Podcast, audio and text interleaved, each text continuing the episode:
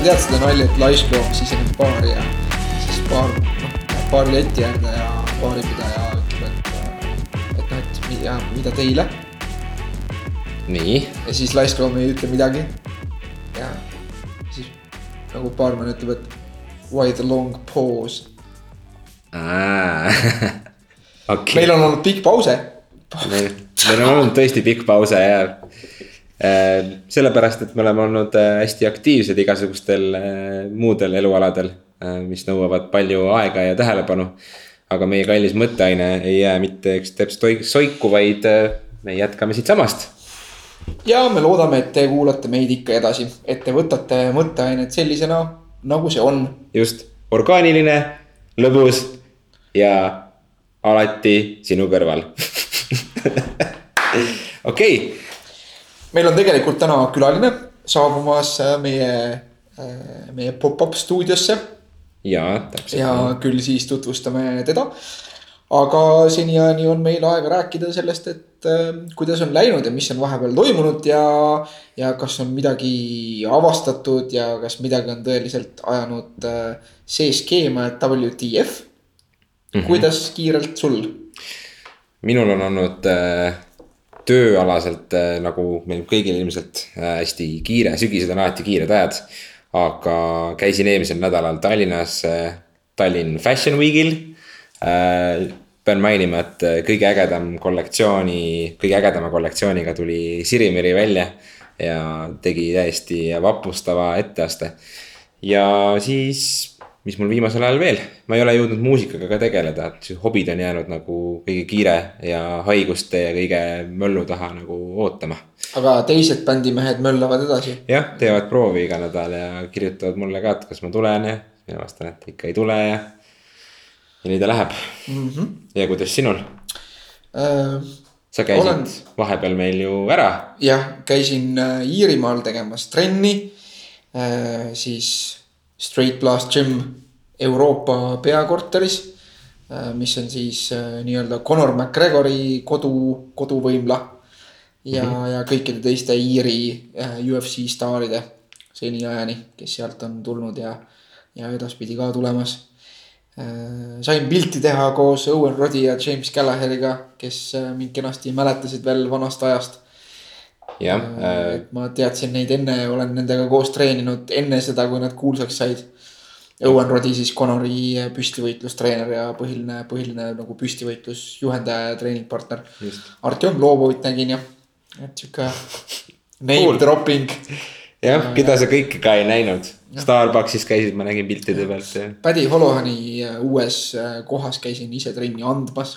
mm. -hmm. see oli see klubi vist, mille ta parasjagu avas siis, kui tuli välja, et tal on see väga haruldane äh, haigus. jah, ta tegelikult nagu eelmise klubi avas äh, avas nagu niiviisi, et mingisugune ärimees nagu pani ta justkui enda loodud suures saalis pukki, aga seal neil asjad ei klappinud ja siis ta tegi ikkagi nagu täitsa oma saali, kus ta ise on omanik ja saab kõiki asju teha nii, nagu ta ise tahab. seal oli huvitav asi oli see, et äh, see nagu treeningsaal oli siukses natukene nagu mm, ühest nagu sellisest eramute linnaosast nagu veits edasi, kus olid nagu mingisugused laod ja autoesindused ja sellised asjad. Äh, meie külaline käis just akna taga ja noogutas mulle ja lähme võtame ta vastu.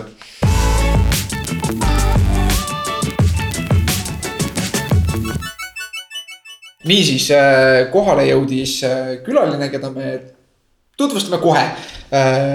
Dan Bogdanov ja ütle enda kohta ise, et kellena sa, kellena sa esined, kelle, kellena sa äh, ütled, kes, mis sa ütled sellises kohas kuskil laiale maailmale rääkides, kes sa oled?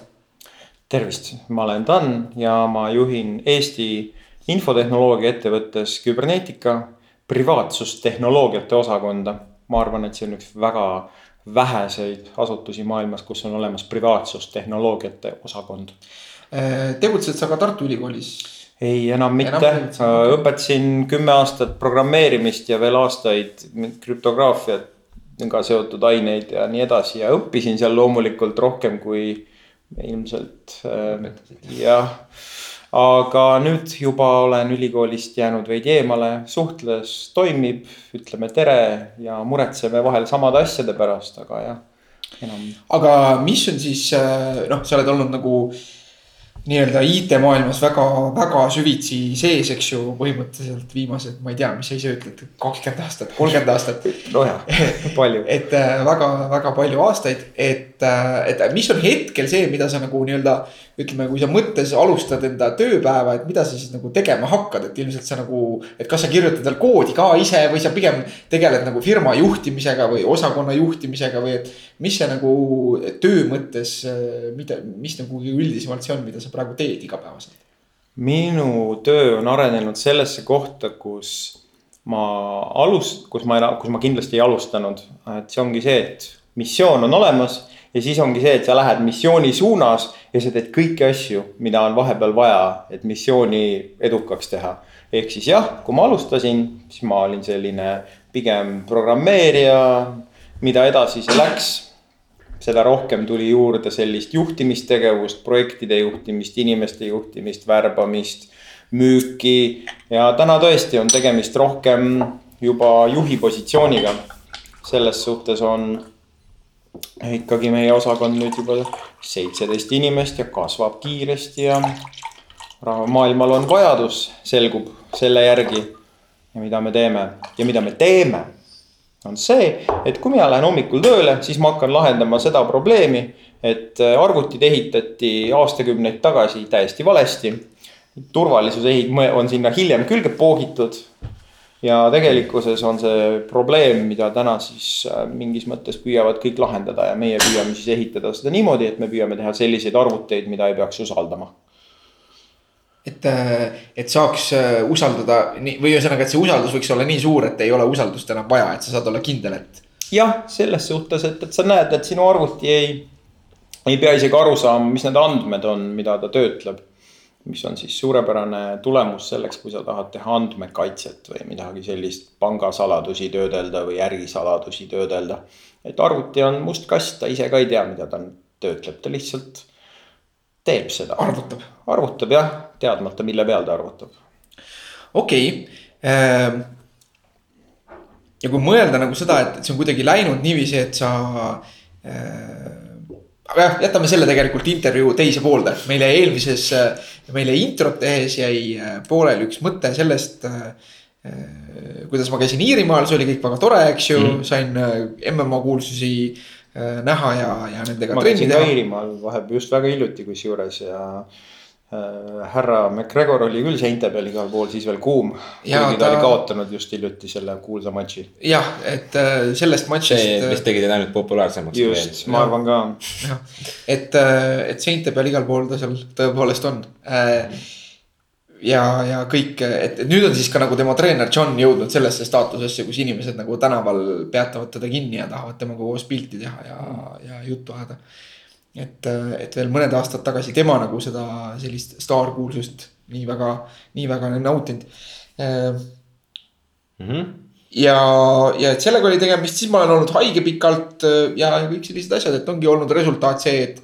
et kui me varem olime väga uhked selle üle, et me andsime iga nädal saate välja, no matter what, siis nüüd on olnud kolm nädalat pausi sisuliselt. jah, et Juhtus, nii. kuidagi on juhtunud ja, ja minu hääl on vahepeal olnud pikalt ära ja ei ole põhimõtteliselt korralikult taastunudki mm.. võib-olla pisikest selleks, et nagu meie vana formaati ka meenutada, et minu avastus oli see, et äh, te salatit sööte, eks ju. Nagu selles mõttes, et. mulle väga maitsevad salatid. ja, ja ma mõtlen siinkohal seda, et, et ostate poest näiteks seda, et kui on ka karbis mingisugused peedilehed või nagu mingi Rooma salatisegu ja jah. siuksed karbis. kuidas te seda pesete tavaliselt enne, kui te seda sööma hakkate või kas te pesete selleks on selline spetsiifiline sõel, millega on seda hea mugav teha. mm? -hmm. ja et äh, see on jälle asi, asjad, millega tegeleb teadus, eks ju, et äh, tehti selle kohta üks vahva eksperiment, mis näitas, et see pesemine on suhteliselt edutu. et isegi viiekordne pesemine ei vähendanud märkimisväärselt seal teatud tüüpi bakterite hulka, mis seal peal olid. See meenus mulle ka sellega seoses, et Iirimaal ma sõin äh, peamiselt, peamiselt ma sõingi seal salatit, sest seal oli poes oli nagu samasugused pakikesed, aga lihtsalt oli seal peal kirjas, mida ma siis usaldasin, et washed and ready to eat. ja siis ma viskasin sinna mingid kanatükid sisse ja, ja mida sai ka pakis osta ja, ja salatikastet peale ja oligi nagu. mina ei ole kunagi neid äh, eelnevalt pestud äh, tooteid väga usaldanud, ma alati pesen üle, ma ei tea, kas see on äh, ma ise mõtlen alati selle peale, et. äh, Taha oksendada pärast. usaldada ei saa, et siis äh, nagu need potentsiaalsed kohtukulud oleksid nagu, et on piisavalt tõsised. et, Aa, et firmad peavad mm. sellega nagu ikkagi arvestama, et, et see on seesama teema, et miks äh, peab olema McDonaldsi kohvitopsi peal kirjas see, et jook võib olla kuum.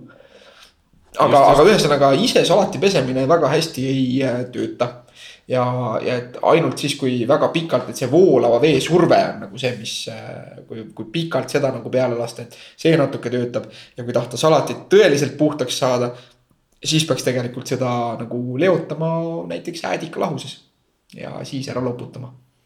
ahah, ja siis tuleb hoopis teine maitse sellele juurde. no ma arvan, et kui ära loputada, et siis noh, kui sa tavaliselt vahel ju paned salatile niikuinii mingit palsamiäädikat või midagi, et ma arvan, et kui sa selle äädika lahuse nagu ära loputad, et siis see maitset. no ma ei ole veel ise proovinud niiviisi, aga, aga see ilmselt nii väga ei segaks.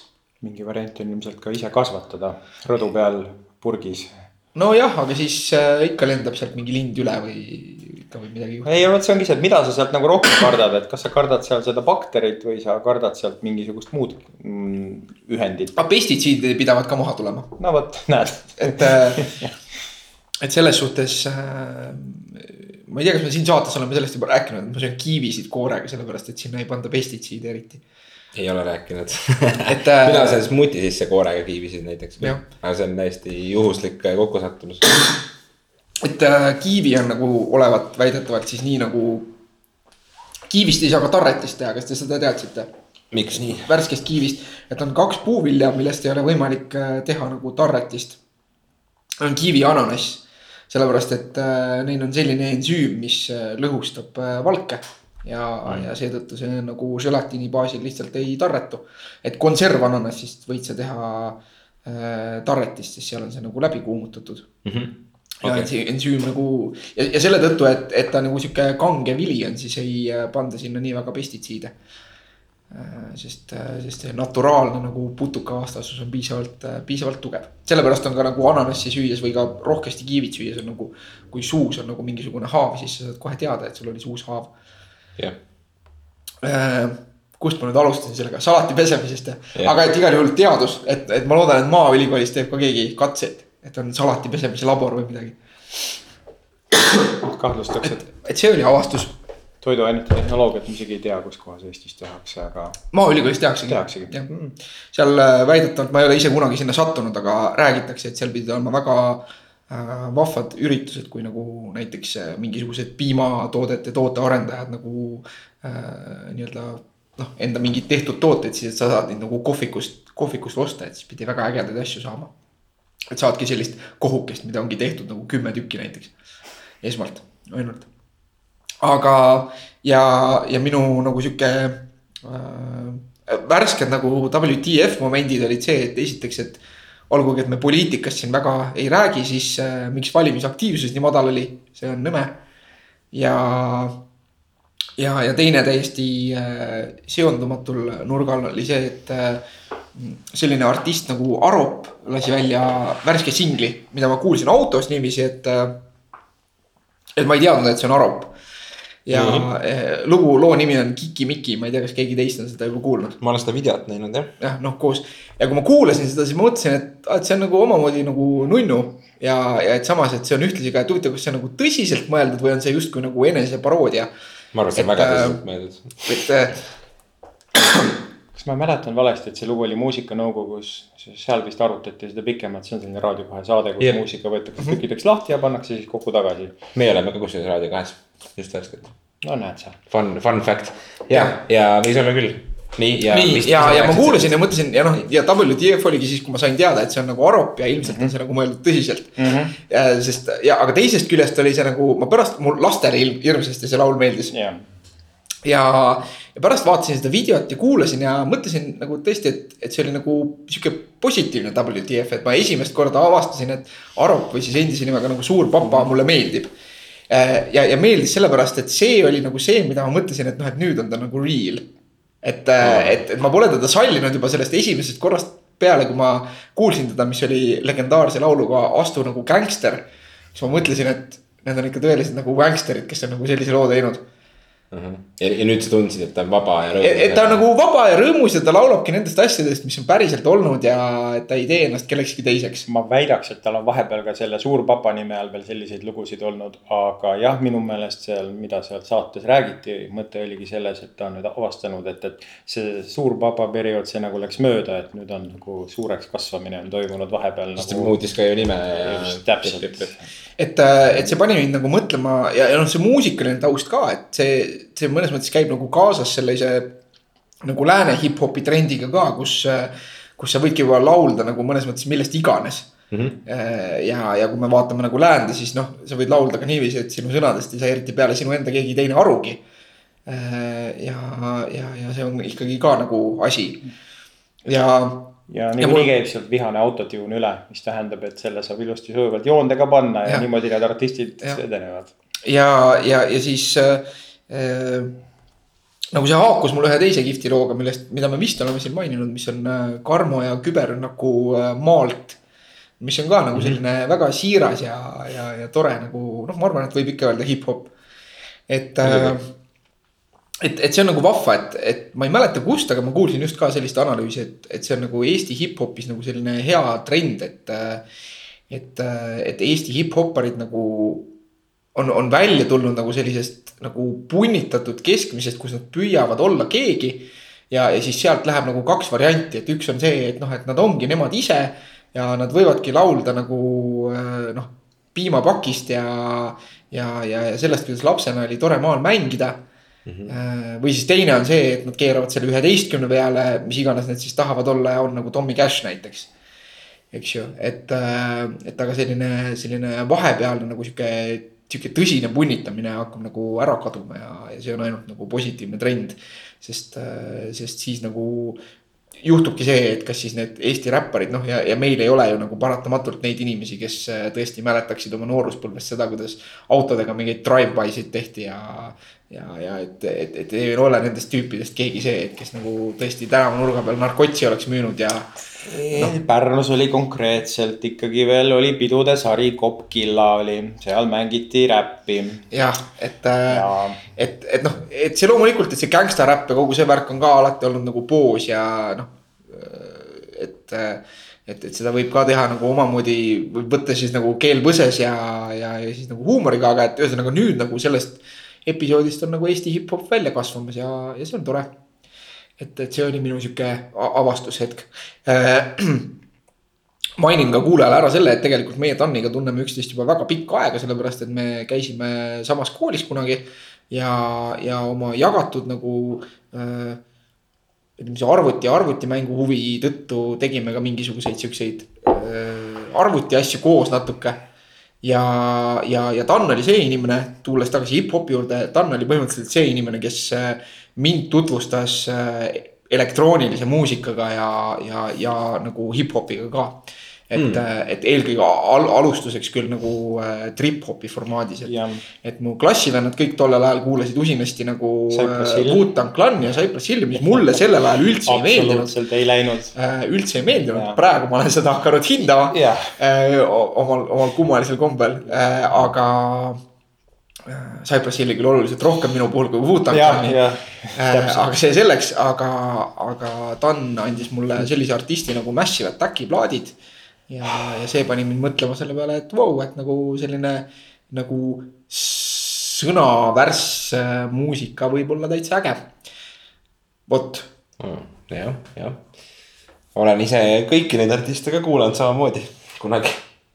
kusjuures ma käisin paar aastat tagasi aktiivselt jooksmas niimoodi, et Massive Attacki üks mingi hilisem albumeid nagu, mis oli üsna selline, viis nagu transisesse kuidagi. Hundredth Window või, või see helikolend pärast seda. helikalender oli see. see oli selline, et mulle väga meeldis, et võib-olla selline nagu see analoog beat'ide siukene nagu.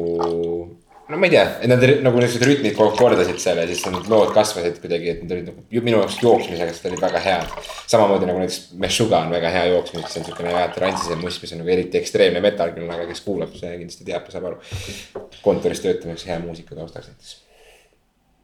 Sulle taustaks, teised võib-olla, kas peab vaatama alati, et kas teised ka hindavad, aga no see on kõ- kõrvaklapi. kõrvaklappides alati ka igasugused asjad töötavad jah, just tehnoloogia võimaldab.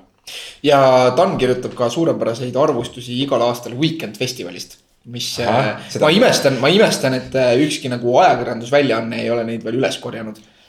On korjatud mingite teiste inimeste omi, aga jah, kuidagi seal ma kirjutan natuke teistmoodi, vaat ma ei kirjuta niimoodi, et inimestel oleks, kõigil oleks huvitav, ma kirjutan nii, et mõnedel on huvitav. ja see nagu rikub asja ilmselt ära. ma ei oskagi küsida selle kohta, mis ma ei tea, mis seal on, aga. No vaata Weekend'i puhul tuleb arvestada sellega, et ma alustasin sellega seepärast, et kui esimene aasta oli Pärnus Weekend mm, -hmm. siis see vastu nagu vastuliikumine sellele oli märkimisväärne. seepärast, et mõtle, sulle tuleb nüüd siia linna tuleb nüüd mitukümmend tuhat mingit võõrast inimest. kõik kindlasti teevad mingeid kohutavaid seda barbarite kolmevõistlust ehk siis äh, jah mingisugune. lammutavad kõik ära ja osalt siis, kui see üritus oli läbi, siis ma esmase, siis ma, esimene reaktsioon oli, ma tundsin, et ma nagu tahaksin rääkida, miks see üritus oli oluline, see oli vajalik ja see oli hea, et see oli Pärnus. ja see oli üks mu Facebooki enim jagatud postitustest, seda jagasid mu õpetajad mm., kes äh, lisasid sellele kommentaari, et noh, et kui ka, kuigi ma võib-olla sellest üritusest endiselt aru ei saanud midagi, siis siin on vähemalt püütud selgitada seda ehk siis, aga järgmised aastad, siis ma nagu, siis enam see, see üritus etableerus, kasutades moodsaid sõnu ja pärast seda võis keskenduda hakata muusik, muusikale. et esimene aasta oli vaja selgitada, et mis nüüd toimus mm, -hmm. see on see, et tuli festival uus, terve rand trambiti ära, õudne, noh. käibed linnas, poodides tohutud, kohutav, kuidas me küll niimoodi saame mul oli just, meil siin mõni saade tagasi käis selline muusikas nagu Kaller Makaru, temaga me rääkisime ka, et Weekend'i festival oli siis parasjagu tulemas selle aasta oma. Ja et äh, me tõdesime seda, et, et alles võib-olla kümme aastat tagasi, kui siin äh, rokiklubis või äh, genialistide klubis või isegi siin Lutsu teatrimajas olid mingid väiksed üritused iga nädal Tartus ja noh, muidugi Tallinnas ja igal pool linnas on oma kohad, siis äh, ja siis olid need festivalid nagu Hard Rock Laager või Rabarock või mingid sellised asjad. aga et, aga et nagu sellist festivali nagu Weekend niivõrd massiivselt ei osanud isegi nagu keegi unistada, et sul on sellised, hea küll, sa ei kuula neid artiste, aga kui sa vaatad neid nimesid, kes seal käivad nüüd iga aasta siis nad on ikkagi nagu selles mõttes nagu maailma tipus alati. Ja, ja, ja sinna tulevad inimesed kokku, eks ole, nii Riiast äh, või tähendab Lätist, Leedust, Soomest, Rootsist. Brasiiliast, No, maailma parimad USB pulgasisestajad, kui nüüd natukene kiskuda. oi, me võime selle teema veel eraldi pärast üles lapata. sellega ongi oluline, et näiteks kui ma olen käinud, ma olen käinud siiamaani kõigil weekend idel, mis on siis Pärnus toimunud. ja ma tunnistan, et kui ma sinna kohale lähen, siis no ma ei tea enamust ansambleid, aga ma teen eeltöö ära, ma vaatan, mida nad teevad, ma teen talle kava, mida ma tahan minna kuulama mm.. ja kui mul midagi parajasti ei ole, siis ma lihtsalt lähen, vaatan, püüan kuulata siis, kes on need kõige kuumemad DJ-d, kes parajasti on, nagu see aasta ma ei väsinud väga nägemast seda Chainsmokersi reklaami. ja no ma ei saanud aru, kus see, kus see värk seal oli. et, et see on natukene on ikkagi tegemist selle üleskiitmisega ikkagi, et sisuliselt noh. mind seda tehnilist eriära, eripärasust ma nagu ei näinud seal, kus oleks tõesti siis näidatud seda, kuidas. kes on väga hea miksija või suudab kuidagi väga hästi rahvast juhtida või on lihtsalt hitihoiatus iga kolme loo tagant. no mina näiteks olen seda muusikat nagu raadiost või te- telekast või kuskilt nähes-kuuldes alati mõelnud sellele, et, et okei okay,, et nüüd on, nüüd me sellel nädalal või sellel kuul oleme selle sound'i peal, et nagu kõik proovivad seda ühte nagu vile nagu selle nurga alt lasta nagu refräänis on ju. ja see on mingi analoogne, analoogne meloodia, analoogne rütm, mingid sarnasused on, on ju. Aga siis kõik teevad seda natukene aega kolm-neli kuud käib see tsükkel kuni pool aastat siis. ja siis ongi see, et, et kes neist suudab seda kõige geniaalsemat teha, kas kõige lihtsamalt, kas kõige tobedamalt või kuidagi niimoodi, et. et see koht, kus sa arvad, et nüüd läheb see asi nagu nii jaburaks, siis see tegelikult on nii geniaalne, et see toimib nagu. ei, aga küsimus ongi, kas nad peavad seda tegema originaalselt, see on ju, kui kaua, mis on selle loo nagu eluiga, kui kaua teda kuulatakse see ongi see, et ta tuleb, ta läheb, ta on selle suve lugu mm, -hmm. ta läheb mööda ja nii ongi, ta peab, ta peab ühe geniaalse asja tegema, et sa kuulaksid seda sel suvi viis korda, võib-olla heal juhul ostaksid või midagi sellist. aga noh, kolme aasta pärast, kas sa lähed kuulama mingisuguseid äh, EDM-i tippe nagu mingisugusest ajast, noh. satub, tuleb ette, tuleb korraks soe tunne, oh see oli äge suvi mm -hmm.. võib-olla mingi pilt kangastub niimoodi, aga see ei ole, need lood ei olegi võib-olla selleks tehtud. just, just, et nad on võib-olla selle hetke emotsiooni möödasaatmiseks. täpselt, täpselt. ja, ja see on nagu mind alati pannud mõtlema selle peale, et, et noh, et praeguseks hetkeks on see EDM ikkagi muutunud nagu nii. noh, kuidas öelda, ühest küljest nagu nii laialt tarbitavaks ja teisest küljest ka nagu laialt tehtavaks. Et neid artiste on ka nagu nii palju, et, Mm. et kuidas toimub nagu ütleme, et kuidas toimub see, et üks artist nagu saab tuntuks. et, et noh, miks näiteks noh, küsime, et okei okay,, et kartuun oli küll nagu Eesti mõistes nagu tegija, eks ju, aga et äh, miks kartuunist ei saanud ülemaailmset megastaari näiteks. on ju, ja, ja miks mingist nagu noh, ma ei tea, ütleme Avicii-st, kes oli ka nagu suvaline jorss Rootsist, et miks temast näiteks sai see on suuresti mänedžeride ja produtsentide teema ka nagu, kes nagu noh, produtsendid, nad on tihtipeale küll ise, aga oluline on ka see, et kuidas neid hakatakse müüma, kas nende, kas neile tuleb mingi plaadifirma taha või nad suudavad teha midagi täiesti geniaalset internetis. et, et ja noh, just, et see internetplatvormina on nagu ka nii äh, selline mm -hmm. ja, ja, ja mul on nagu mulje jäänud üldse, et ütleme, kui sa tahad nagu äh, tänapäeval saada nagu siukseks, ütleme äh, noh, nagu tahad nagu murda välja mingist siuksest äh, enda kohalikust nagu skeenest, eks ju. siis äh, internetti kasutades selleks kõige nagu lollikindlam meetod näib olevat nagu mingisugusest väga tuntud hetkel aktuaalsest loost cover'i tegemine no. see toimib, see on sellega, aga sellega nagu saavad sellised DJ tüüpi inimesed ennast välja nagu Eestis on mõned, kes on niimoodi seda teinud. Aga noh, jällegi, kui sa oled nagu rohkem, sul on mingi vokaalid, oma laulud, oma selline ansambli imidž, siis sa pead midagi muud tegema tüüpiliselt. sest et noh, Tommy Cash, eks ole, sai videodega ja suuresti ka selle oma folk, foo Ida-Euroopa teemaga, eks ole mis väga teda aitas, aga pärast seda tõesti, eks teda on kutsutud ka igale poole esinema ja tema sellest äh, Winna Lotost on ka suurepärane tühjas äh, Berliinis tühjas ruumis filmitud versioon, lihtsalt värvitud tuba mm., mikrofon ja Tommy. Olen näinud ka, jah. täiesti noh, teine pilt, eks ole mm, -hmm. see on juba, see ületati ära, see, see šokivajadus ja vaadati seda loona, sest lugu ise on tegelikult ka päris hea. Mm. see video lihtsalt oli sealjuures aitas ja see on lihtsalt niivõrd nagu ja ta on Just. näkku. just, just, et näiteks üks artist ka, kes see aasta esines Eestis Weekendil on äh, Deadmau5. jaa, ja Deadmau5-i mina olen äh, Jaa. juba peaaegu kümme aastat kuulanud niisama. Mulle väga meeldivad tema, tema, tema lood alati, aga üks asi, mis mulle nagu, mis võib-olla mind üle võitis, oli see aeg see, et kui ma ise tahtsin muusikat teha. siis tema tegi oma stuudio striime kümme tundi, kuus tundi, neli tundi ja, ja näitas, näitas videoekraani peal neid plugineid, mida ta kasutab. nii ma sain neid pärast nagu kuskilt Pirate Bay'st umbes tõmmata ja proovida ja, ja, ja selles mõttes see asi oli minu jaoks niivõrd nagu. noh, ta tegi seda niivõrd läbinähtavalt ja, ja siis, kui tal midagi sassi läks, siis ta ei noh, see oli live stream nagu see oli nagu päris asi. Et see, see, see oli hästi äge see, Jah. Deadmausi kohta paar asja esiteks, ma Deadmausi puhul Weekendil juhtus see asi, et, et noh, ma läksin, otsisin oma hea koha helipuldi kõrval ülesse. Ja siis, aga ühel hetkel hakkasid inimesed, nad ei saanud aru, mis toimub laval, nad hakkasid must mööda minema, mulle vastu tulema ja noh, ära minema väljakult, sest et noh, Deadmaus ei, noh, sa ise kuulad teda, sa tead, et see ei ole selline cookie cutter neli-neli tahti mõõt ei tule mm -hmm. sealt alati välja. vahepeal, vahepeal on mingid muud asjad, nagu ma seal postis kurtsin, siis selline lugu on tal nagu Strobe, kus on vahepeal lihtsalt üks noh, mõni mitu minutit sa ei, ühtegi trummi ei kuule. ja need mitu minutit mängiti maha sel weekend'il nagu pealava viimane lugu, viimane esineja mingil päeval mm. -hmm. kõige kuumem asi peaks olema, sellised kohad on sellistele nagu Armin van Buurenitele ja sellistele Yeah. ja siis ongi see, et noored ei saanud aru, mis toimub.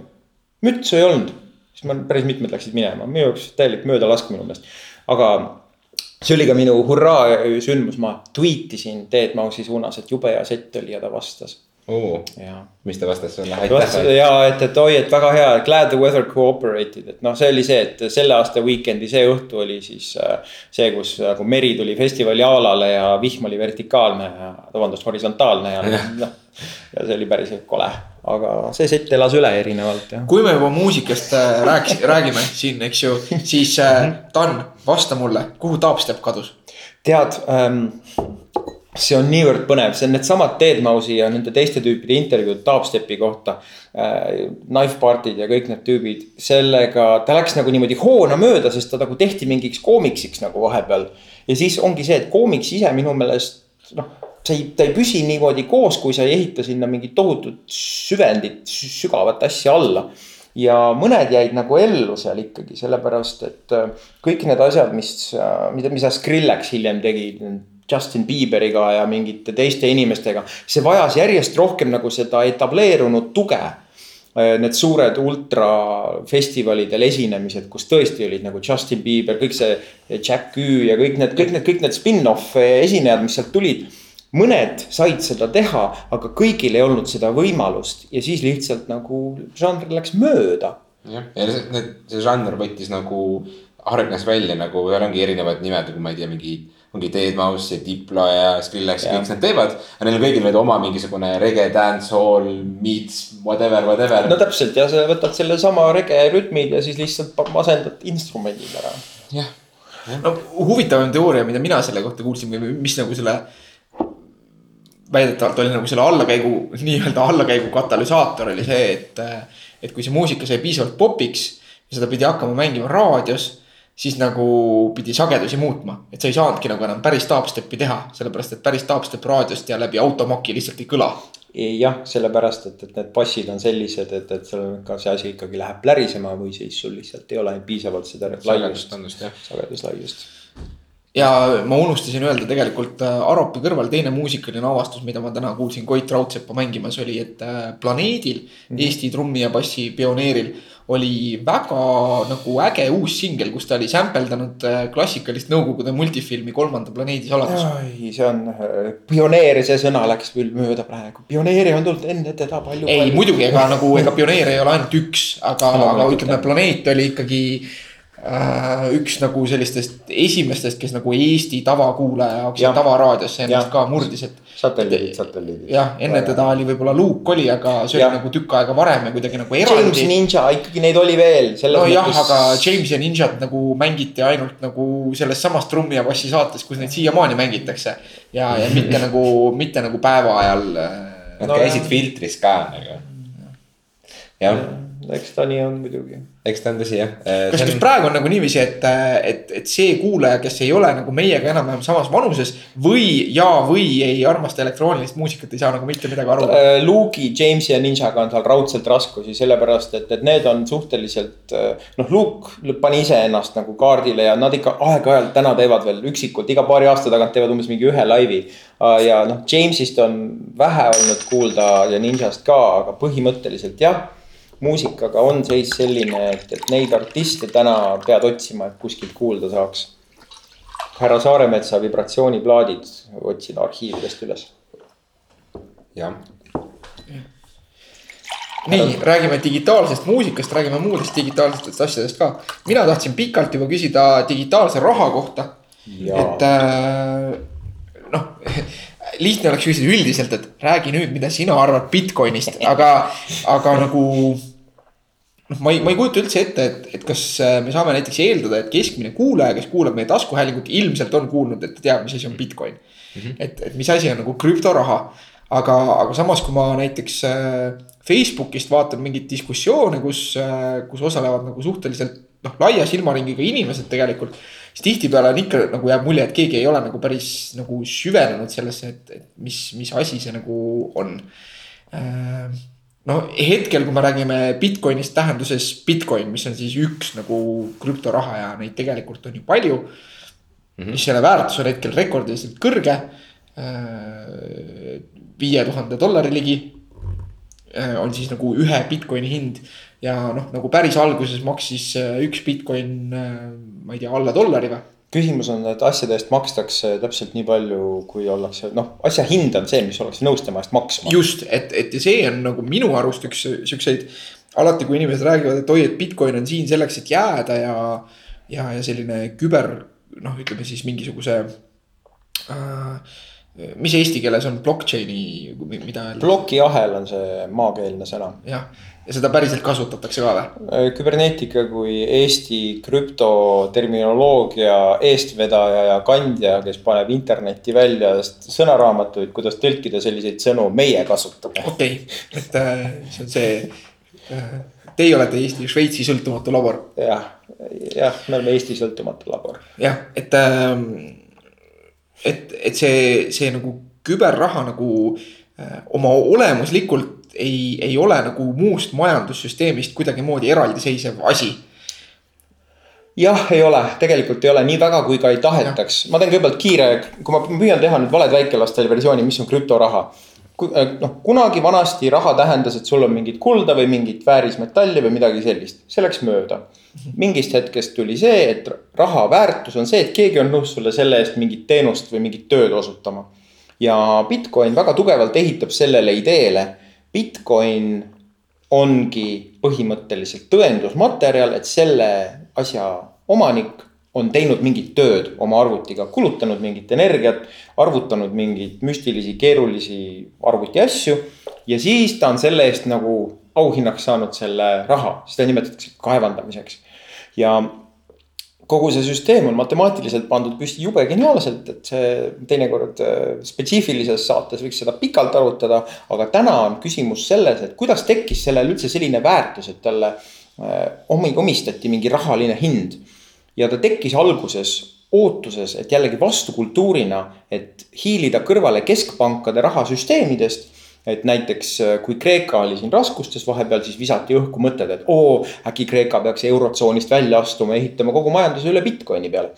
no ilus mõte, aga ei tööta, sellepärast et Bitcoinil näiteks tehingute sagedus, see piirang, see kümne minuti tagant tehing. et vahepeal kümme minutit on see, et sa saad oma kinnituse oma tehingule alles kümne minuti pärast. ja siis, mis juhtub, ongi see, et ta ei sobi selleks, ta ei sobi tegelikult rahaks ta on ikkagi, inimesed on kokku leppinud, et Bitcoin on äge asi ja kuna rahatrüki ja kõige selle tõttu on kogu maailmas igasugustes varaklassides. noh, küsimus on, kuhu sa paned raha, eks, kus sa praegu spekuleerid ja siis on otsustatud äh, massi kuidagi otsusena, et Bitcoin on siis koht, kus spekuleerida praegu. et noh, nagu minu meelest ikkagi noh, Bitcoin on nagu sihuke lahe teenäitaja seal, et, et raha suhtes noh, et, et kunagi me jõuame sinna, et, et, et me saame kasutada nagu, et tekib mingisugune raha ja energiaühiku ekvivalent et aga, aga noh, hetkel nagu Bitcoin seda, ta ju seda tegelikult ei ole ja ei saagi olla. Ei. et, et noh, et, et kõige loogilisem ongi nagu see, et, et ma ostan ja maksangi nagu nii-öelda noh, näiteks kilovattides. jah, see paraku nii hästi ei tööta, Bitcoin oli sellele natuke lähedal, sest Bitcoini väärtuse põhialus, mis nagu tõendab, et sa mingit tööd tegid, ongi see, et sa esitad mingisuguse asja, mida nimetatakse proof of work ehk siis tehtud töö tõestus. mõned inimesed kutsuvad seda proof of waste ehk siis tehtud energia raiskamise tõestus, mida ta mõnes mõttes mõttes rohkem on aga sa ei saa seda energiat tagasi, sa ei saa Jah, seda just, üle anda. see on see, et ta on läinud ja see ongi see, et hurraa, ma tegin sellise asja, nüüd äh, austage mind, eks ole. noh, see on natuke selline et noh, et ta on samasugune nagu kokkuleppeline nagu noh, nagu mis iganes rohelised žetoonid või, või, või mis jah tahes., aga, ja mis on nüüd muutunud, on see, et, et kuna see mudel ei näidanud välja seda, et ta suudaks olla tohutu rahvusvahelise uue finantssüsteemi aluseks. tuldi välja uute, uue lahendusega, mis on proof of stake ehk siis põhimõtteliselt iga kord, kui tehing on, siis sa paned lihtsalt oma väikse raha vahele. aga see on juba palju rohkem seotud mingite väliste rahaliste süsteemidega. see ei ole enam see unistuste iseseisev finantssüsteem, mis on keskpankadest lahti ühendatud. et Te ei kujutagi ette, et kas, kas see ükskord jõuab siis sinna, et igalühel, igal inimesel on kodus oma väike reaktor või ja siis käib kuidagi selle baasilt või. see reaktor võib täitsa juhtuda, kui keegi normaalselt saab termotuumareaktsioonid tööle kunagi. Jah. Äh, nii et, et, et sina oled sihuke Bitcoini skeptik. ma olen natuke Bitcoini skeptik, mul äh, jällegi ärge kasutage seda investeeringu nõuannetena, kui te soovite sellesse investeerida, siis mina teid ei takista, aga ma ka ei taga teile mitte kas sul midagi. endal on Bitcoini? mul ei ole endal Bitcoini. mis mind äh, nagu ja millest sa jällegi saad tajuda, et tegemist on mingis mõttes äh, mulliga, on see. et vahepeal on ju püsti pandud neid, neid coin'e on tänaseks ju juba tuhandeid jah. Meil on isegi mingi Eesti oma püramiidskeem. ja see püramiidskeem, see oli ka, one, jah, see oli väga kihvt, kus äh, hakati juba, suudetigi panna püsti ja neid on minu meelest Eesti põhiseid on mitu juba. et kas sul mõned oli on, siis süsteem nii, et sul oli mingisugune klubikaart või mingi ja, jaa, ei, seal oli et igasugu. sa kuidagi ostsid ennast sisse nagu mingisugusesse. ja siis jagasid, tegid nagu reseller programme kuidagi No noh nagu need on ja püramiidid käivad. natuke, no seal oli natuke geniaalsemalt kokku pandud, aga jah, et koolitused on asja osa kindlasti ja kõik see ja tuleb, lubatakse sulle helget tulevikku, kus sa ikkagi maagiliselt raha tuleb, ma ei tea, puu, maa seest. nojah, et äh, kõigepealt äh, paned äh, see on need mulda ja siis, siis istud, istud toolil ja siis Jaa, näed, kuidas kõik, kõik sulle sülle tuleb. ja fakt on see, et teatud inimestele see süsteem töötab nagu ikka Jah, sellised skeemid töötavad. Need kõige, kõige targemad ja. Asutajatele see asutajad enamasti meie on. andmega, just, lemmingsid jooksevad ringi täpselt nii. mm.. nii äh,, aga ütleme, kui nüüd vaadata neid muid coin'e, et kas, kas, kas seal nagu, vot see on asi, mida mina ei tea, et kas seal on toimunud ka mingisugune reaalne innovatsioon. et noh, palju räägitakse sellest äh, Ethereumist, eks ju, siis väidetavalt on nagu mingisugused mingisugused äh, krüptorahad, mis on siis ikkagi kuidagi söö, seotud nagu mingisuguse päris, et nad on kuidagi idee poolest nagu mingiks teenuseks konverteeritavad nagu tagasi. Et, et kas see on nagu päris asi, et, et kus see, et äh, sinu nii-öelda mitte investeerimisnõuandena kasutatav nõu, mis on see järgmine coin, millesse sa küll ei ütle, et peaks investeerima, aga põhimõtteliselt ütled, et kui keegi tahab, siis võiks investeerida. ma nimesid ei, ei konkreetselt ühtegi välja ei too, praegu on juhtunud see, et on äh, tõesti tulnud siis välja sellised süsteemid, kus sa investeerid jah sellesse, et sul tuleb siis mingi token. et tulevad need initial coin offering'id ehk siis algsed mündi, müntide laialijagamised, mis käivad nii, et inimesed panevad ikkagi konkreetselt raha sisse ja siis see raha annab sulle nagu pärast siis õiguse saada mingit teenust ja see on natuke selline investeerimismudel, Eestis teeb seda väga edukalt idufirma nimega Funderbeam. Mis on äh, päris, ma ütleks, see on üks koht, kus see tehnoloogia on õigesti kasutatud ja nemad teevad mõistlikku asja, sellega mul üldse kaebust ei ole, aga ter-, aga noh, põhimõtteliselt kujuta ette, et mudel on selline, et, et sa võid osta siis endale mingisugust münti, et kui sa ühel hetkel selle mündi kellelegi annad, siis ta tuleb ja ma ei tea, koristab su toa ära või midagi. noh, täiesti, tehakse täiesti sürreaalsete teenuste peale neid münte praegu ja inimesed panevad sinna raha. õnnetu on see, et kuna see on täiesti reguleerimata suhteliselt, välja arvatud see, et Hiina keelas need ära näiteks hiljuti ja nii edasi, siis äh, juhtuvad ka sellised asjad, et paned oma raha sisse ja siis avastad, et kas selle mündi väljastajad panevad su rahaga plehku või siis nad lihtsalt on niivõrd äh, võimetud kaitsma kogu oma seda infrastruktuuri, et neid lihtsalt varastatakse see ära. et seda on juhtunud, üks piinlik lugu juhtus hiljuti, võiks ju arvata, et kõvade inimestega MIT-s selline Enigma projekt oli, kes äh, tahtis ka teha midagi väga kavalat. ja tõstsid ka siis raha kokku ja pärast seda jätsid kogemata mingid paroolid kusagile laokile või niimoodi, et ei olnud seda teist faktorit, et ei pidanud mobiili pealt koodi üle juurde panema sisse logides. ja siis virutati pool miljonit ära nagu dollaritest, no see oli väike projekt suhteliselt ja väiksed kaod, aga neid äh, tehakse ka nagu väga-väga suuri neid mündi le- levitamisi praegu. et see on see, et kõige suurem turvalisuse risk on äh, ikka nagu tooli ja klaviatuuri vahel. absoluutselt, absoluutselt, kui sa paned kogu selle pildi ikkagi valesti kokku, selle. sul võib olla maailma kõige hullult turvalisem see, et keegi ei saa, tea, võltsida su münti, aga küsimus on selles, et kui need mündid saab mingisuguse Facebooki parooli teades ära kopeerida, siis noh, palju õnne jah. aga seda ma tahtsin sinu käest küsida, et, et kuidas äh, nagu noh, et tulles siis sealt, et, et see kõige nõrgem lüli nagu arvuti turvalisuses on alati tooli ja klaviatuuri vahel. et äh,, et aga noh, kui ma mõtlen näiteks selle peale, kuidas ma ise mingeid paroole loon või, või kuidas ma neid kasutan. et noh, nagu et, et, et omada nagu hunnikut nagu siukseid kõrge turvalisuse väärtusega paroole on nagu päris keeruline eks ju, et, et siis nagu seal, seal, mis võim- nagu on, ongi siis nii-öelda ütleme, et üks võimalus on nagu see, et, et sul on need äh, paroolid ja sa kirjutad need endale kuskile üles, paned selle paberisahtlisse, eks ju, mis on ilmselge riskiga äh,. noh, küll nagu siukse lokaalse riskiga, et keegi nii siis on nagu see variant, et sa kasutad mingit nii-öelda mingit, mingit programmi näiteks parooli halduseks, eks ju. aga siis sul on mingi master parool selle Ja. programmi jaoks Jah., eks ju, mis on nagu teisipidi risk jälle. et, et noh, nii palju, kui sa nüüd ütleme, saad sellest rääkida ilma, et sa tunneksid, et sa enda paroolistikku nagu kompromiteerid kuidas sina seda haldad, kuidas sina seda teed? mul on paar sellist parooli, mis on hästi pikad, hästi keerulised ja mis mul on peaaegu lihasmälus, mis tähendab, et kui sa küsiks mult, mis need on, siis ma väga selgelt ei oskaks sulle öelda kui sa paned näpud klaviatuuri. kui ma panen näpud. klaviatuuri peale, siis ma saan ta kusagil kolmanda-neljanda katte, katsega kätte ja need umbes kolmkümmend, kolmkümmend üle kolmekümne märgi on need.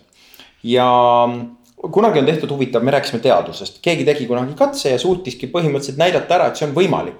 et näiteks suudeti inimesed treenida ära mingeid Guitar Hero, need mängukitarrid, eks ole, neid mingeid rütme nagu tegema niimoodi, et kui sa paned inimesele, annad selle seadme kätte, siis ta teeb selle ära mm. -hmm. aga kui sa küsid pärast, mis see oli, mis sa tegid, siis ta absoluutselt, tal ei ole seda kohta nagu teadlikkus mälus mm -hmm. olemas, tal on see puhas nagu reflektoorselt niimoodi. Ja noh, see on mingisugune huvitav biomeetria, mida ei ole väga palju kasutatud siiamaani. ma tunnistan, et ma umbes siiski umbes tean, mis nagu sõnadest või asjadest see mul kokku on pandud. aga jah, mul on paar väga tugevat parooli, nendega ma kaitsen neid konto, neid kontosid, mis on olulised ja kusagil ühe-kahe parooli taga on mul siis tõesti see suur parooliladu, kus mul on pikad kahekümnekohalised täiesti juhuslikud paroolid, mida ma kunagi peast käsitsi ei pane. ma lihtsalt kopeerin need äh, sellisest digitaalsest programmi sees olevast paroolihoidlast ma ei kasu-, taaskasuta paroole. tegelik kõige hullem rünne ongi see, et sa taaskasutad Just, paroole. siis on ju leke. siis on nii, et lekib üks ära ja siis hops, moodsal ajal osatakse ju kohe kiirelt vaadata, et ahah, kuhu sellega veel sisse saab. just, just, aga, aga näiteks äh, võib-olla, mida meie kuulajad ka kindlasti saavad kasu äkki sellest nõuandest või mõttest, et äh, paljud meist kasutavad äh, MacBooki paljud kasutavad meist Safari brauserit, seal on see MacBooki parooli salvestamise mm -hmm. süsteem on sees niimoodi, et äh, kõik asjad, kõik kontod, mis ma teen, ta pakub mulle mingit Sigri-Mingri parooli mm. -hmm. ja ütleb, et ta salvestab selle mulle mällu ära, et iga kord, kui ma olen arvutisse sisse logitud ja lähen sinna lehele või vaja minna. siis ta pakub mulle seda parooli mälust, aga ma ei tea, minul näiteks on see niimoodi mitmes kohas kasutuses. ja kui sa lillepoest asju tellid, siis on ülimõistlik, et sa nii teed, sellepärast et praktikas on nagunii, kui sa selle parooliga ära kaotad või ostad uue arvuti või mis iganes mm -hmm. juhtub. siis tegelikult see lihtsalt nagu meiliaadress on sul olulisem tegelikult mm -hmm., meiliaadressiga sa saad taastada selle et ma just ise mõtlesin selle peale, et noh, et kui, kui ma mõtlen selle peale, et kuidas ma kasutan nagu noh, mingites sellistes noh, a la mingid kliendiprogrammid, millega ma mingil hetkel olen äh, olnud nõus liituma, noh kinod näiteks või mm, -hmm. või, või raamatupoed või, või sellised asjad et äh, kus otseselt nagu selle parooli taga ei ole nagu mitte midagi, et noh, nagu inimene ei saa nagu minu eest osta näiteks selle. Äh, või, või tähendab, ta, ta, ta saab osta, aga ta peab ise maksma selle eest, eks ju. et mul ei ole nagu kahju sellest, mul ei oleks nagu teoreetiliselt kahju sellest, kui keegi näiteks logib minu kinoklubisse sisse ja noh, siis ostab sealt mis iganes nagu viiskümmend piletit või, või noh, et. noh, parimal juhul, mis ta saab teha, on see, et ta kasutab mu boonuspunktid ära, eks ju. mis on asjad, mida sul nagunii ei olnud, mille, ilma milleta sa elasid suurepäraselt ka enne, eks ole. jah, eh, kuigi ma just üks päev avastasin, et oo, et ma saan nagu kaks tasuta kinopiletit. aga noh, et, et, et, et seal mina olen küll kasutanud nagu ikkagi siukseid noh nagu kuidagimoodi nagu lihtsaid tähenduslikke paroole. kus võib-olla on nagu vahetatud või lisatud nagu mingisugused märgid, mida ma suudan meelde. esimese lapse nimi ja teise lapse sünniaasta ja isa mitte päris seda, aga. ei no jällegi, see sõltub see, et kelle vastu sa kaitsed, kas sa kaitsed ennast äh, Villu vastu kõrvalmajast või Mossadi vastu, eks ole, et kui Mossadi vastu, siis äh, Mossad saab su ikka kätte. aga Villu võib-olla lihtsalt ei arva su parooli ära ja, ja. selles suhtes küll, et sa pead vaatama, millised on need paroolid, mis tähendavad midagi tegelikult, et millised on need noh, kus sul on krediitkaardi andmed taga, kus saab nõristada, osta sulle mm -hmm. kogu su iTunesi konto sirgelt täis midagi, eks. aga noh, see on ka näiteks, see on ka turvalisuse, ütleme noh mu krediitkaart, mida ma kasutan, mis on nii-öelda nagu see päris, päris krediitkaart, eks ju. siis, äh, siis seal peal ei ole tavaliselt kunagi üle nagu kahesaja viiekümne euro. Et okay. Äh, kui ma tahan osta midagi suuremat, siis ma nagu laen sinna rohkem Just. selle ostu puhuks, eks ju vaata, nüüd ongi see, et sa oled hullult teadlik sellest, mismoodi sul on üles ehitatud sinu kontode süsteem. mismoodi sul on sinu pangas sinu arvete süsteem, et sa kannad siit-sealt sinna raha.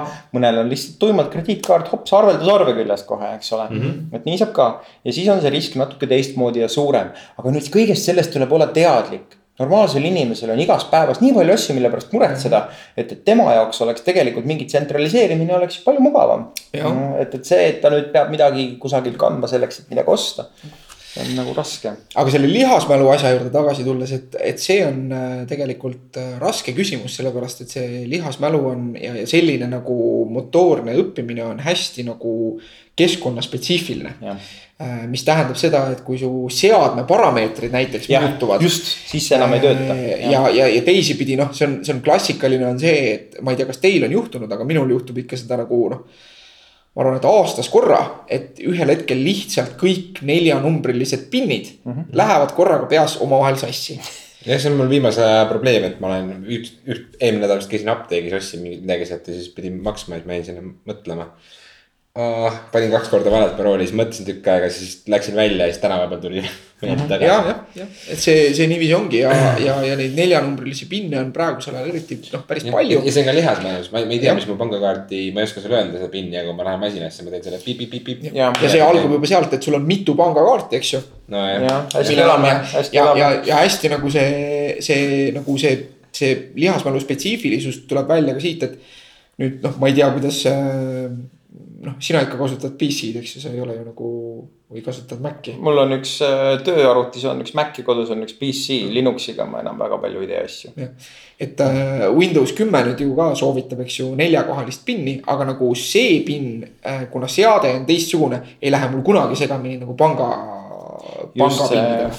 ja, Ja ja, see ja siis on veel mobiili, noh ja siis on, eks ju, mobiili on ju, et see, see, see seadme nagu spetsiifika on sellele mälule hästi äh, aitab see oluline. visuaalne jah, et käsi, silm-käsi koordineerimine. ma siiralt loodan, et, et Smarti idee läheb populaarsemaks. ta on veidikene selles mõttes ei nõua seda SIM-kaardi tuge, see töötab ka tulevikutelefonidel, kus SIM-kaart enam ei hakka olema. ja kõik see hakkab olema loodetavasti ilusam, ilusam. siis on see, et sul on need kaks faktorit, su telefon ja see su PIN ja noh, seal on jah, see tsentraliseerimise riski natuke on, aga see ikkagi tähendab, et sul on kaks asja, mida peab varastama.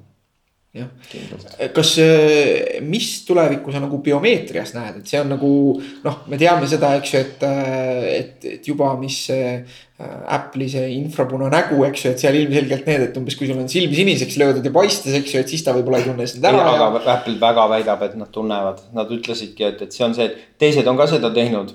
mingid Androidi telefonid on ka seda näotuvastust teinud, aga väid-, Apple ütleb, et nad tegid meeletult, pingutasid sellega. masinõpped, värgid, mütsid peas, prillid ees, habe ei ole, habe on, pikk habe, lühike habe, habe ajasid maha, vuntsid.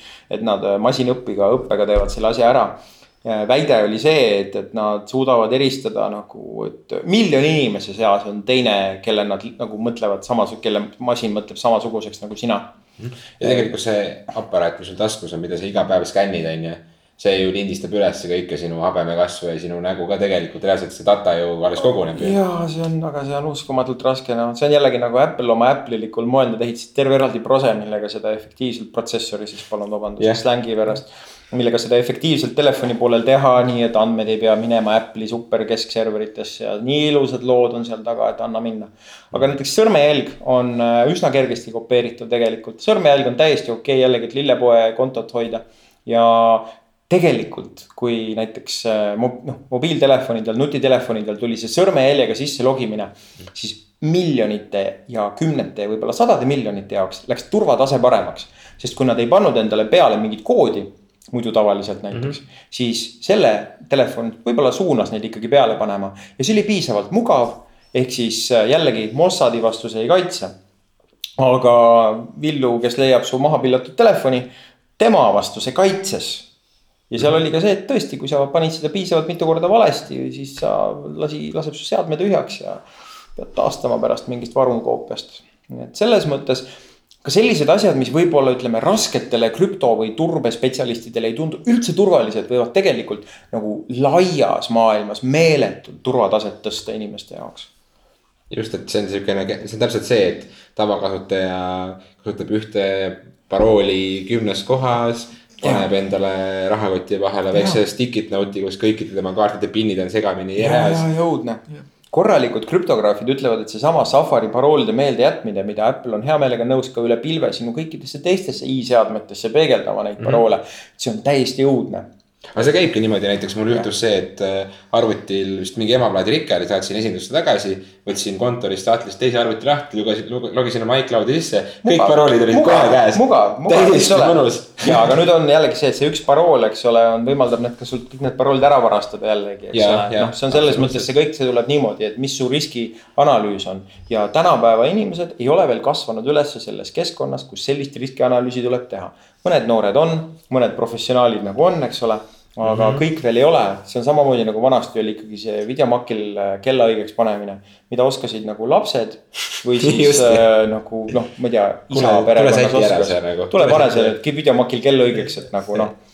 jah, aga nüüd on nagu see, et oh tule, kuule vaata, mul on siin mingi asi, mingi asi on ekraani peal noh, ja see ongi kogu aeg niimoodi, et see tehnoloogia areng nagu tekitab seda kihistumist kogu aeg. samas tuleb jällegi anda kiitust teatud seadmete ehitajale Eh, minu vanaisa, kes on üheksakümmend seitse nüüd vist juba äkki, kasutab iPad'i täiesti vabalt, sest et see kasutajaliides on mitmetpidi geniaalne. alati, kui sa satud kohta, mida sa ei tunne, sul on seal see kodumineku nupp mm, -hmm. kus sa saad kuskile tagasi, mis on turvaline ja kus sa elad. ja sellega saab seletada seda seadet inimestele, et sul on alati turvaline koht, millega sa saad tagasi kuskile, mida sa tundsid mm.. geniaalne jah. absoluutselt, eks ole Jörgen, kus sinu kodunupp on ei, ma, ma mõtlesin ka, see on väga, väga huvitav oli kuulata, aga, aga nagu. Äh, et, et siit mingit sihukest. aga et ühesõnaga, võtame selle parooli jutu niimoodi kokku, et, et mis siis on õige et kas on äh, õige omada viitekümmet Sigri-Migri parooli, millest ma ei tea ühtegi.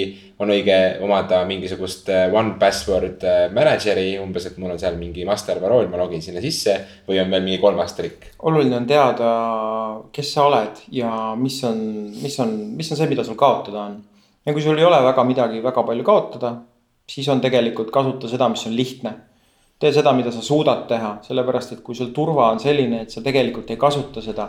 kui sul on majas valvesüsteem, sa ei pane seda kunagi peale, sellepärast et jube tüütu on ja sa pead nagu pea peal seisma sellel ajal, kui sa pinni paned. siis sa ei kasuta seda, mis tähendab, et tegelikult äh, lihtsalt inimlikult kasutatavad turvamehhanismid on paremad kui mitte millegi tegemine. selle -hmm. kohta on, see on noh, pragmaatik tuleb teatud kohtades olla, aga kui sa tead, et, et kuskilt läheb, pääseb ligi kas võimalusele anda ära sinu maja, raha, midagi muud, siis sa pead mõtlema välja, kuidas sa seda kaitsid ja keskendu sellele. ja ära satu Mossadi huviobjektiks. ära satu jah, see on jah. Mossadil on kohutavalt tore ja naljakas Twitteri konto, kus nad põhimõtteliselt äh, itsitavad inimeste Mossadi hirmude peale, ütlevad, et ja, ja me teame su kohta juba kõike. kohe on agendid kohal ja umbes mingeid selliseid kommentaare teevad, selle võib üles otsida, see on lõbus kas äh, ma tegelikult siit äh, tahtsin jätkata, et, et mis on nagu noh, näiteks mina nagu tajun seda, et äh, et, et ma olen ennast kogu ihu ja hingega nagu Google'ile müünud põhimõtteliselt, eks ju uh -huh., et ma arvestan sellega, on ju, mulle väga meeldis, sa võib-olla tead, sa ilmselt oled kuulnud ja võib-olla tead, kes seda ütles, et. Et kui miski on tasuta, siis kaup oled sina. jah, absoluutselt. et, et ma olen nagu noh, võtnud nagu enda meelest teadliku siis, siis nagu sellise otsuse vastu. et hea küll, et ma olen siis see kaup ja. selle eest, et, et ta annab mulle märku, kui mul. et mul tekib kalendrisse kohe nagu meeldetuletus näiteks peale seda, kui ma lennupiletid olen ära ostnud. ja, ja, ja seda, et aga, aga noh, samas mul nagu kuskil kuklas istub ikka see, et noh, et, et, et pagan küll, et et tegemist on nagu suurte korporatsioonidega, kellesse tegelikult terve maailm suhtub nagu noh, nagu nad oleksid nagu mingisugune noh, ma ei oska öelda, sihuke ühiskondlik hea asi, umbes nagu. et, et inimesed suhtuvad ju Youtube'i ja Google'isse või noh, ütleme Youtube'i ja Gmaili, mis on siis mõlemad nagu, eks ju, sama firma käes. Nad suhtuvad nendesse umbes samamoodi, nagu nad suhtuvad sellesse, et riik tagab neile teedevõrgu ja, ja elektri. kusjuures see on hästi hea, et sa selle välja tõid. see on näiteks see, et meie endine president Toomas Hendrik Ilves eh, sidus ilusti ära klassikaliste filosoofidega, keda mina sinuga koolis kunagi õppima pidin tõenäoliselt. seda, et näiteks digitaalne, korralik digitaalne idee peaks olema riiklik teenus. ja see ei ole midagi, mis tuleks eraettevõtete kätte jätta. et, et ma jään kohe filosoofi võlgu, äkki oli Locke aga mõte ongi täpselt selles, et jah, need firmad on riigi jäetud vaakumis loonud selle keskkonna, kus mm -hmm. niimoodi on. et, et Google'i kontoga saab, Facebooki kontoga saab sisse logida ja nad tõesti, need on tehnoloogiliselt päris kobedad lahendused, et kui sa kuskil ennast Facebookiga sisse logid, et siis noh tõesti, see koht ei saa teada kõike sinu kohta ja see on päris mõistlik süsteem. aga jah, see usaldus, mis seal tekib tegelikult sinu ja selle suure korporatsiooni vahel on päris metsik ja see sõltubki sellest, mis on nüüd see ärimudel. Google'i ärimudel on neid andmeid müüa, mõnel teisel on vähem selline ärimudel, aga paljudel on ikkagi täna see andmete müümise ärimudel. aga noh, ma mõtlesin, et nagu teenuste suhtes isegi noh, me ei saa nagu eeldada, et või, või et kes see siis, kes see siis on nagu, kes peaks tegelikult nagu looma nagu noh, tõelise Youtube'i või et seal on paratamatult nagu selline nii-öelda riiklik rahastus või isegi mingisugune nagu riikide ülene nagu rahastus lihtsalt jääb nagu maha, et noh, et, et jah, et meil on Eesti, sul võib eesti.ee meil ka olla, eks ju, aga. võrreldes Gmailiga, see on nagu lihtsalt nii kohmakas ja mõttetu, et parimal juhul sa nagu suunad selle eesti.ee endale Gmaili peale ja kogu lugu, eks ju. aga nüüd mõtle selle peale, sa mäletad seda aega, kui Youtube tuli ja, ja mäletan küll. kas ta oli, tundus sulle nagu mõistlik asi üldse või, kes see tahaks vaadata internetist videosid? Tegelikult ei, oli küll natukene siukene nagu, et mis, et milleks, kes see paneb siia nüüd või mis siin on siis. nii ja täna ongi see, et inimesed ei osta enam plaate, ei kuula enam muidu seepärast, et. ja ei vaata telekat ja paned lihtsalt endale Youtube'ist mingisugused playlist'id jooksma ja muusikud on seal olemas oma Vevode ja muude platvormide kaudu, kes vaatavad, milline demograafia klikib milliseid videosid ja mis sekundeid ja kui kaugele vaatab ja see kõik pannakse selleks, et eh, need artistid, kes ostavad need andmed, need saavad EDM-is kuulsaks. Need, kes ei osta, need ei saa mm. -hmm. kui sa tead, kellele, kes sind, kellele sa meeldid, et see on ikkagi niimoodi täna jah, ja, ja, ja noh, selle tõttu see, see kasutaja mugavus nagu jooksebki alguses nagu nii kaugele eest ära lihtsalt ja et, et sellel hetkel ja, ja sellel hetkel, kui tekivad need tagasilöögid nagu see, et sul ei ole osasid artiste Youtube'is või see, et. sa ei saa näiteks äh, noh, et sa ei saa ropendada või et sa ei saa nagu sealt raha praktiliselt yes. üldse, kui sa ise mingit nagu sisu toodad yes.. siis sellel hetkel, kui see nagu sootsiumile kohale jõuab, siis sellel hetkel on nagu liiga hilja yeah.. platvorm on omandanud, see üks platvorm on omandanud nagu nii laia kõlapinna või kasutuse et, et, et sealt nagu ära tulla ei, ei ole nagu mõnes mõttes enam võimalik. et, et noh, hea näide on Facebook, eks ju, kus nagu tõenäoliselt eh, enamik inimesi hetkel arvavad seda, et. Et, et Facebookil on hästi palju miinuseid eks ju noh, neile ei meeldi Facebooki chat, sellepärast et see on, mul näiteks spordiklubi on see, et. et me oleme palju arutanud seda, et kuhu me peaksime viima nagu omavahelise suhtluse. et e-post on nagu iganenud, meile kellelegi ei meeldi nagu siuksed kolmekümne lõimelised või kolmekümne kirjalised nagu lõimed e-postis, eks ju. ja, ja, ja Facebooki chat on nagu puuduliku funktsionaalsusega aga sellegipoolest me teeme seda Facebooki chat'is, sellepärast et nagu see on see koht, kus on kõige tõenäolisem nagu inimesi kätte saada mingisugusel hetkel mm. -hmm. et, et, et kui on vaja nagu mitme inimesega korraga rääkida ja vaadata näiteks teha seda põhimõttel, et, et on vaja midagi ära lahendada, kus on tähtis see, et kes esimesena näeb, see reageerib, eks ju. Siis see koht on Facebook ja, ja see virin sellel aadressil, et, et, et Facebook on kurjast ja, ja, ja kasutajaliidus on halb ja ta nagu äh, tsenseerib sinu eest uudiseid, mida sa tegelikult ei taha, eks ju, taha, eks ju. see virin on nagu mõttetu, sellepärast et kõik on seal nojah, kõik päris ei ole ikkagi, päris noorte seas on olemas ikkagi olnud need lained, et miks on need Whatsappid ja need on olnud populaarsed, olidki see, et teatud noorte vanemad jõudsid Facebooki. Ja siis noored avastasid, et vau, mul ei ole siin midagi teha enam ja mul on järgmist platvormi vaja selline laine Ameerikast käis küll korraks üle. sest et Snapchat ja Whatsapp on suuresti ehitanud ennast ka selle laine peale. oled sa, oled sa Snapchati või Whatsappi kasutanud? Whatsappi olen kasutanud, Snapchati ei ole. sa oled sa suutnud aru saada, et see on hoopis teistsugune energia, hoopis teistsugune atmosfäär on seal neid asju teha. kuidas äh, noored teevad neid pilte sinna, panevad kõik kohe mingeid klepekaid asju täis ja see, mhm. see suhete arv ja postituste arv on tohutu, see tempo on meeletu. ja see on hoopis teine süst-, teistmoodi kasutatakse seda. jah, kusjuures mina kasutan väga aktiivselt juba nüüdseks mitme tuttavaga Instagrami privaat message eid chat'ina. et meil ongi, me räägimegi seal, et mis kell me kokku saame, kui kaugel oled.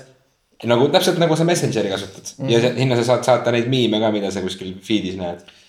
noh. Ei no ongi see, et tegelikult tänapäeval on see, et professionaalses tööelus on päris palju suuri tooteid, Microsoft tuleb kohe oma Teams tootega Aha. välja, millega nad hakkavad sellele Slackile jalgade peale astuma. Ja noh, tuleb tegelikult ikkagi vaadata, et, et see, et Apple'il oli, tuli vahepeal välja terve uus mobiil-OS-i süsteem, kus asi, millele kõige rohkem ressurssi pandi, oli iMessage ehk siis sõnumite saatmise süsteem. sinna mhm. tehti pood ja kõik need asjad, noh, sest nad said aru, et see on see, kus pidu toimub. ja kõik need on hästi palju kiiresti muutumas praegu, lihtsalt ole valmis, Jörgen, kolima Ei, oma spordiklubiga kunagi, et jääge, ärge saage nagu selliseks, et ei suuda enam liikuda et, et loomulikult, aga, aga seal on ka nagu see sõnumitega, see on asi, millest me siin oleme ka rääkinud, et noh, et, et korporatsioonidel ei ole nagu eetikat ja moraali. eks ju, et, et, et mõnes mõttes ainus asi, mis huvitab nagu korporatsioone, on see, et et, et sa kasutaksid nende teenust Jah. ja, ja noh, mis on näiteks äh, ikkagi sihuke päris kummaline asi on see, et noh, et näiteks inimesed ei äh, et inimesed ei taha enam nii väga nagu helistada või näost näkku kokku saada, et, et noh, et videokõne ei ole kaugeltki saanud nagu seda, kuigi praegu võiks olla see aeg, kus videokõne muutub nagu normaalsuseks, siis äh, noh, nagu ma arvan, et see on seotud nagu siukse sotsiaalärevuse või kartusega ja, ja, ja olemegi jõudnud maailma, kus inimesed saadavad päevas nagu sadu ja sadu sõnumeid äh, tekstina, mis nagu mõnes mõttes on ju aegunud nagu kommunikeerimisvahend, see, et ma nagu eriti veel, kui mõelda nagu ma, et ma selle mobiili virtuaalse klaviatuuri peal nagu tipin mingeid sõnumeid. ta on asünkroonne, ehk siis kasutades lihtsat sõna on see, et ma saadan selle sulle. see on ka see, miks email siiamaani elab mm. siiski on see, et ja sina saad seda lugeda siis või tegeleda sellega siis, kui sul on see vaimne mahtuvus või sul on see võime sellele vastata. võib-olla sulle ei meeldi see sõnum praegu, ahhaa okei okay,, ma magan selle peale üle ühe öö ja siis ma saan sellele vastata. kui see inimene on sul seal videokõnes või seal telefoni otsas, sul ei tarvitse olla see hetk seda võimet psühholoogiliselt nagu töödelda seda informatsiooni, mis sulle antakse. sa võid reageerida mittekompetentselt, karjuda kellegi peale või öelda midagi täiesti tumbat, eks ole. jah, mina näiteks äh, tihtipeale ei vasta võõrastele numbritele ja mõtlen alati seda, et. Et noh, et kui nüüd mingi tuttav või keegi, kes mind väga vajab, vaja, tahab kätte saada, küll ta leiab selle mooduse. või tuleb mulle sõnum, et jõu, ma olen see, see, sellepärast mm -hmm. võta minuga ühendust, et kui mingisugune, kui on ekraani peal unknown või on null, null, null, null, null. või on äh, mingisugune täiesti mingi võõras imelik number, mida ma umbes selle kõne ajal, kui ta telefon kutsub, ära ei jõua guugeldada, küllap siis jah noh, sest et alati mingid Tele2 müügimehed ja Telia müügimehed ja igasugused asjad, kes ka lendavad peale ja siis oled sa nagu täpselt selles olukorras, et ah, ma ei ole hetkel nagu seal kohas, et seda infot protsessida. kuigi me räägime nüüd natukene jah, teisest asjast juba, et. see jällegi müügimees, selle äraütlemine on selline kaunis kunst, mõned kahjuks solvuvad selle peale. midagi pole teha, nende töö on ka väga raske tegelikult. aga absoluutselt. no ilmselt seda, kui äh, oled solvuja tüüpi, siis ei. ei tasuks, ei tasuks müüa jah siis ei tasuks jah, sest et kui sa helistasid mulle, püüad mulle mingeid tablette müüa ja ma ütlen sulle, et tõesti, palun hoia oma aega kokku ja pane nagu ja ärme nagu teeme seda praegu ja siis sa viskad mul toru ära, siis noh, see on see, et, et keegi meist jah, on valesid valikuid teinud küll kunagi mm. -hmm.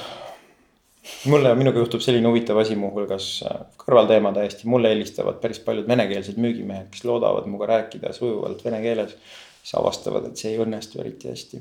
nime pärast? nime pärast jah, sellepärast et äh, mul on üsna, ma saan aru küll, mida nad räägivad mulle, aga mu enda nagu, kuna mul praktikat ei ole, siis ma ei räägi väga hästi. sellega on ka see, et vahel on olnud piinlikke võimalusi, saaks näiteks ETV Plussi intervjuud andma, aga laivis küll ei suuda vene keelt nii selgelt rääkida. kas sa ise, et rääkisime Mossadist siin, et kas sa ise oled juba tajunud nagu välisriikide eriteenistuste huvi näiteks iseenda vastu? Sa ei taju seda ju, selles mõttes asja mõte on ju see. lihtsalt sa ei taju. jaa, no nagu vahel, vahel nad eksivad, vahel nad eksivad võib-olla. ei, ja ei eksi selles mõttes, et noh, kindlasti jällegi, kui neil oleks vaja, ma ei ütle nüüd, see on see, et see on mingi maania grandioosa ka natuke, kui sa kujutad ette, et sa oled nii tähtis, et, et sinu kohta midagi sellist peaks tegema. Aga siis noh, port-, noh profiilid võivad ju kuskil olemas olla, no on ära ostnud kohe ISP-de käest minu interneti brausimise ajalood, mis sest, et nii palju, kui mul on vaja käia, saab käia läbi torride ja private mode'ide ja kõigi asjade, sest et noh. eks ma olen üks korralik paranoik küll, mis tähendab, et mingites kohtades kindlasti ma võin olla mingisuguses imelike nimekirjas, sest kui sa juba kasutad sõna privaatsuslauses, siis sa oled teatud organisatsioonide silmis koheselt kahtlane. ütleme nii, et need, need mehed, kes või naised, mehed, kes kasutavad brauseritel incognito mode'i peale porno vaatamise, mis iganes põhjusel mingid ajutised sisselogimised kuskilt, kas see incognito mode'i, private mode'i sisu, kus see läheb, kes, kes seda näeb? No ikkagi mingis mahus seda nähakse, ikkagi sind on lihtsalt raskem natuke identifitseerida, aga tegelikult korralikud teenused identifitseerivad su ära ikkagi identifitseerivad su ära selle järgi, mis sul on äh, akna suurus äh, selles -huh. brauseri aknas ja veel mingisugune viisteist muud, kuusteist okay. näitajat. ja kui sul on näiteks vanasti oli, mis vanasti? mis töötab, üks asi, mille vastu see private mode, incognito mode töötab, on see, et need küpsised näiteks, mis sul on Facebooki või Google'i või mingid küpsised, et need saidid ei näe neid mm. -hmm. mis tähendab, et pärast äh, suunatud reklaame. jah, seda on raskem saada pärast okay. ja no nüüd on siis äh, Apple on, kes siis toodab neid Mac'e, on teinud hästi julgeid samme viimasel ajal ja tõsiselt reklaamiärikatele, et noh, varvasti peale astumas, ütlemas, et me ehitamegi oma platvormi nii, et sul lihtsalt on väga halb track ida, jälitada inimesi internetis mm. -hmm ja siis ongi see, et mingid suured reklaamimüüjad läksid ja hakkasid Apple'i vastu mingeid suuri ühiskirju ja rindeid tegema, sest et nagu. Nende elu sõltub sellest, kui hästi nad sind jälitada suudavad internetis. ja me, meile kõigile meeldib, eks ole, videosid striimida internetist ja vaadata erinevaid ülekandeid ja nii edasi ja tihtipeale on näiteks mingid regioonipõhised piirangud peal. siis mina kasutan sellist asja nagu VPN, mis on nagu see, et ta teeb mind äh, järsku, ma asun Ameerikas või asun ja, Austraalias et äh, kuidas see toimib, et mis ta teeb minu brauseriga, mis ta minu ühendusega teeb? ta lihtsalt teebki Ameerikasse serverid, mis tajutavalt on Ameerikas või interneti otspunktid, nad lihtsalt panevad seal selle liikluse tunnelisse mm.. see on nagu kunagi oli Netikuller oli üks tore firma, mis tõi Ameerika internetipoodidest kaupa Eestisse, siis kui need ei teinud, need ei keeldusid Eestisse toomast. see on mm. täpselt seesama asi, ainuke asi, et kaup pannakse ilusasse internetitunnelisse sellest saab, tuleb üle Atlandi ja siis antakse sulle edasi ja see teenus, mille eest sa maksad, ongi see, et nad hoiavad seda tunnelit töökorras. ja nagu teisel pool näeb see välja nagu Ameerika, nagu see oleks Ameerikast. aga loodame kõik, et eh, digivolinik härra Ansip suudab vähemalt Euroopa piirest osa sellest jurast ära likvideerida. et, et need regiooni piirangud meedias ja niimoodi raske on. ei, see on jah, see on. jah, see on äh, millegipärast ju eriti, mis paljusid eestlasi morjendab, on see, et. Äh, et me siiamaani läheme nagu paljuski näiteks Venemaaga mingisse ühisesse regiooni või. Äh, mis muidugi mõnikord on hea, sellepärast et saab mingeid digitaalseid tooteid osta näiteks odavamalt hoopiski kui Euroopas aga, aga teisipidi võib-olla jälle mingeid kummalisi, kummalisi konflikte. ja mingid Steamis müüakse sulle ainult venekeelseid mänge või midagi, teatud mängud ja ainult vene versioonid või niimoodi, et äh, seda on juhtunud küll. kunagi oli see ilus aeg, kus jällegi ekspresident Ilves käis ja kurtis mingites Economisti kolumnides, et, et ma Eestis siiamaani ei saa normaalselt legaalselt iTunesist muusikat osta, et what gives. Jah, no see on äh, vist tänaseks päevaks on see vist. ja ei, see on nüüd jällegi lahenenud jah mainisid mänge, kas sul on noh, arvutimängud on alati olnud sinu jaoks ka väga äh, olulised, eks ja, ju. et palju sul reaalselt, sa oled ka nüüd, eks ju, kahe lapse isa. on ju, kes on vanuses, kui vanad sul kõnnid on? kaks, kaks ja kaks aastat viis kuud ja siis üks kuus või kuuekuune poiss ka. jah, et, et, et, et palju sul nagu aega mängida veel on? minu jaoks on see mängimine olnud, vaata ma ei joo eriti palju, ma praktiliselt ei joo eriti üldse. ja siis ongi see, et see on minu jaoks see, et, et saan midagi toredat sotsiaalset teha, eks ole, kellegagi koos. ehk siis täna ma mängin päris asjad, mida ma mängin, on tihti mitme mängijaga. ehk siis meie vendadega koos või koolikaaslastega, keda ma nagu teistes linnades elavad, ei kohta neid enam jah, siis on selline natukene veel sidestumise, suhestumise võimalus. vahel räägime päevapoliitilistel teemadel, äh, mitte küll alati. samal ajal siis mängimisega? ja, ja see on siis kui kunagi. ja, ja, ja ei no alati kõne on ikka kõrval, siis seal käib mingisugune äh, niisama lammutamine või ta taktikaline arutelu ka, et kes nüüd mida teeb, eks ole, aga mööda minnes. mul üks parimaid näiteid on see, et kunagi, kui äh, Kender oli Sirbi peatoimetaja korraks, siis me lahkasime seda teemat põhjalikult, väga põhjalikult mängides, mida me tegime samal ajal, vist mingit Dota kahte mängisime või mingit sellist asja viiekesi. aga jah, ja siis teine asi, mida ma natuke teen, on ma lugusid mängin ikka veel läbi, ehk siis selliseid rollimänge, kus on piisavalt hea lugu taga ja Witcheri seeriat julgen soovitada kindlasti, Deus Exid, Mass Effectid, Dragon Age'id, midagi sellist. kas sa mängisid viimast Mass Effect'i ka? Andromedat. Andromedat ei ole, mul ei ole, paraku need on back, eh, alles ootab Andromeda veel. Eh, olen kuulnud erinevaid asju, aga jah.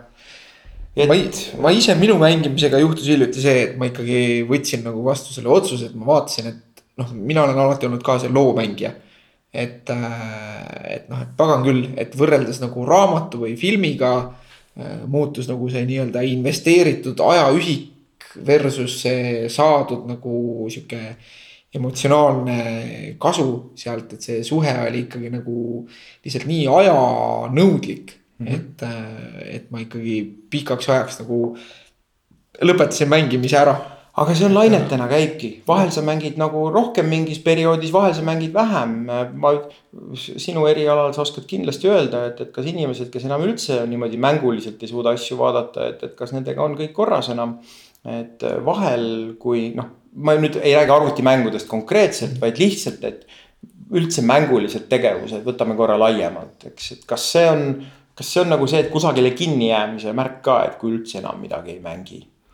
noh, ma ei tea, kas see noh, seal tuleb väga selgelt defineerida, et mis on mäng ja mis ei ole, et kas see, kui keegi nagu enda mingit.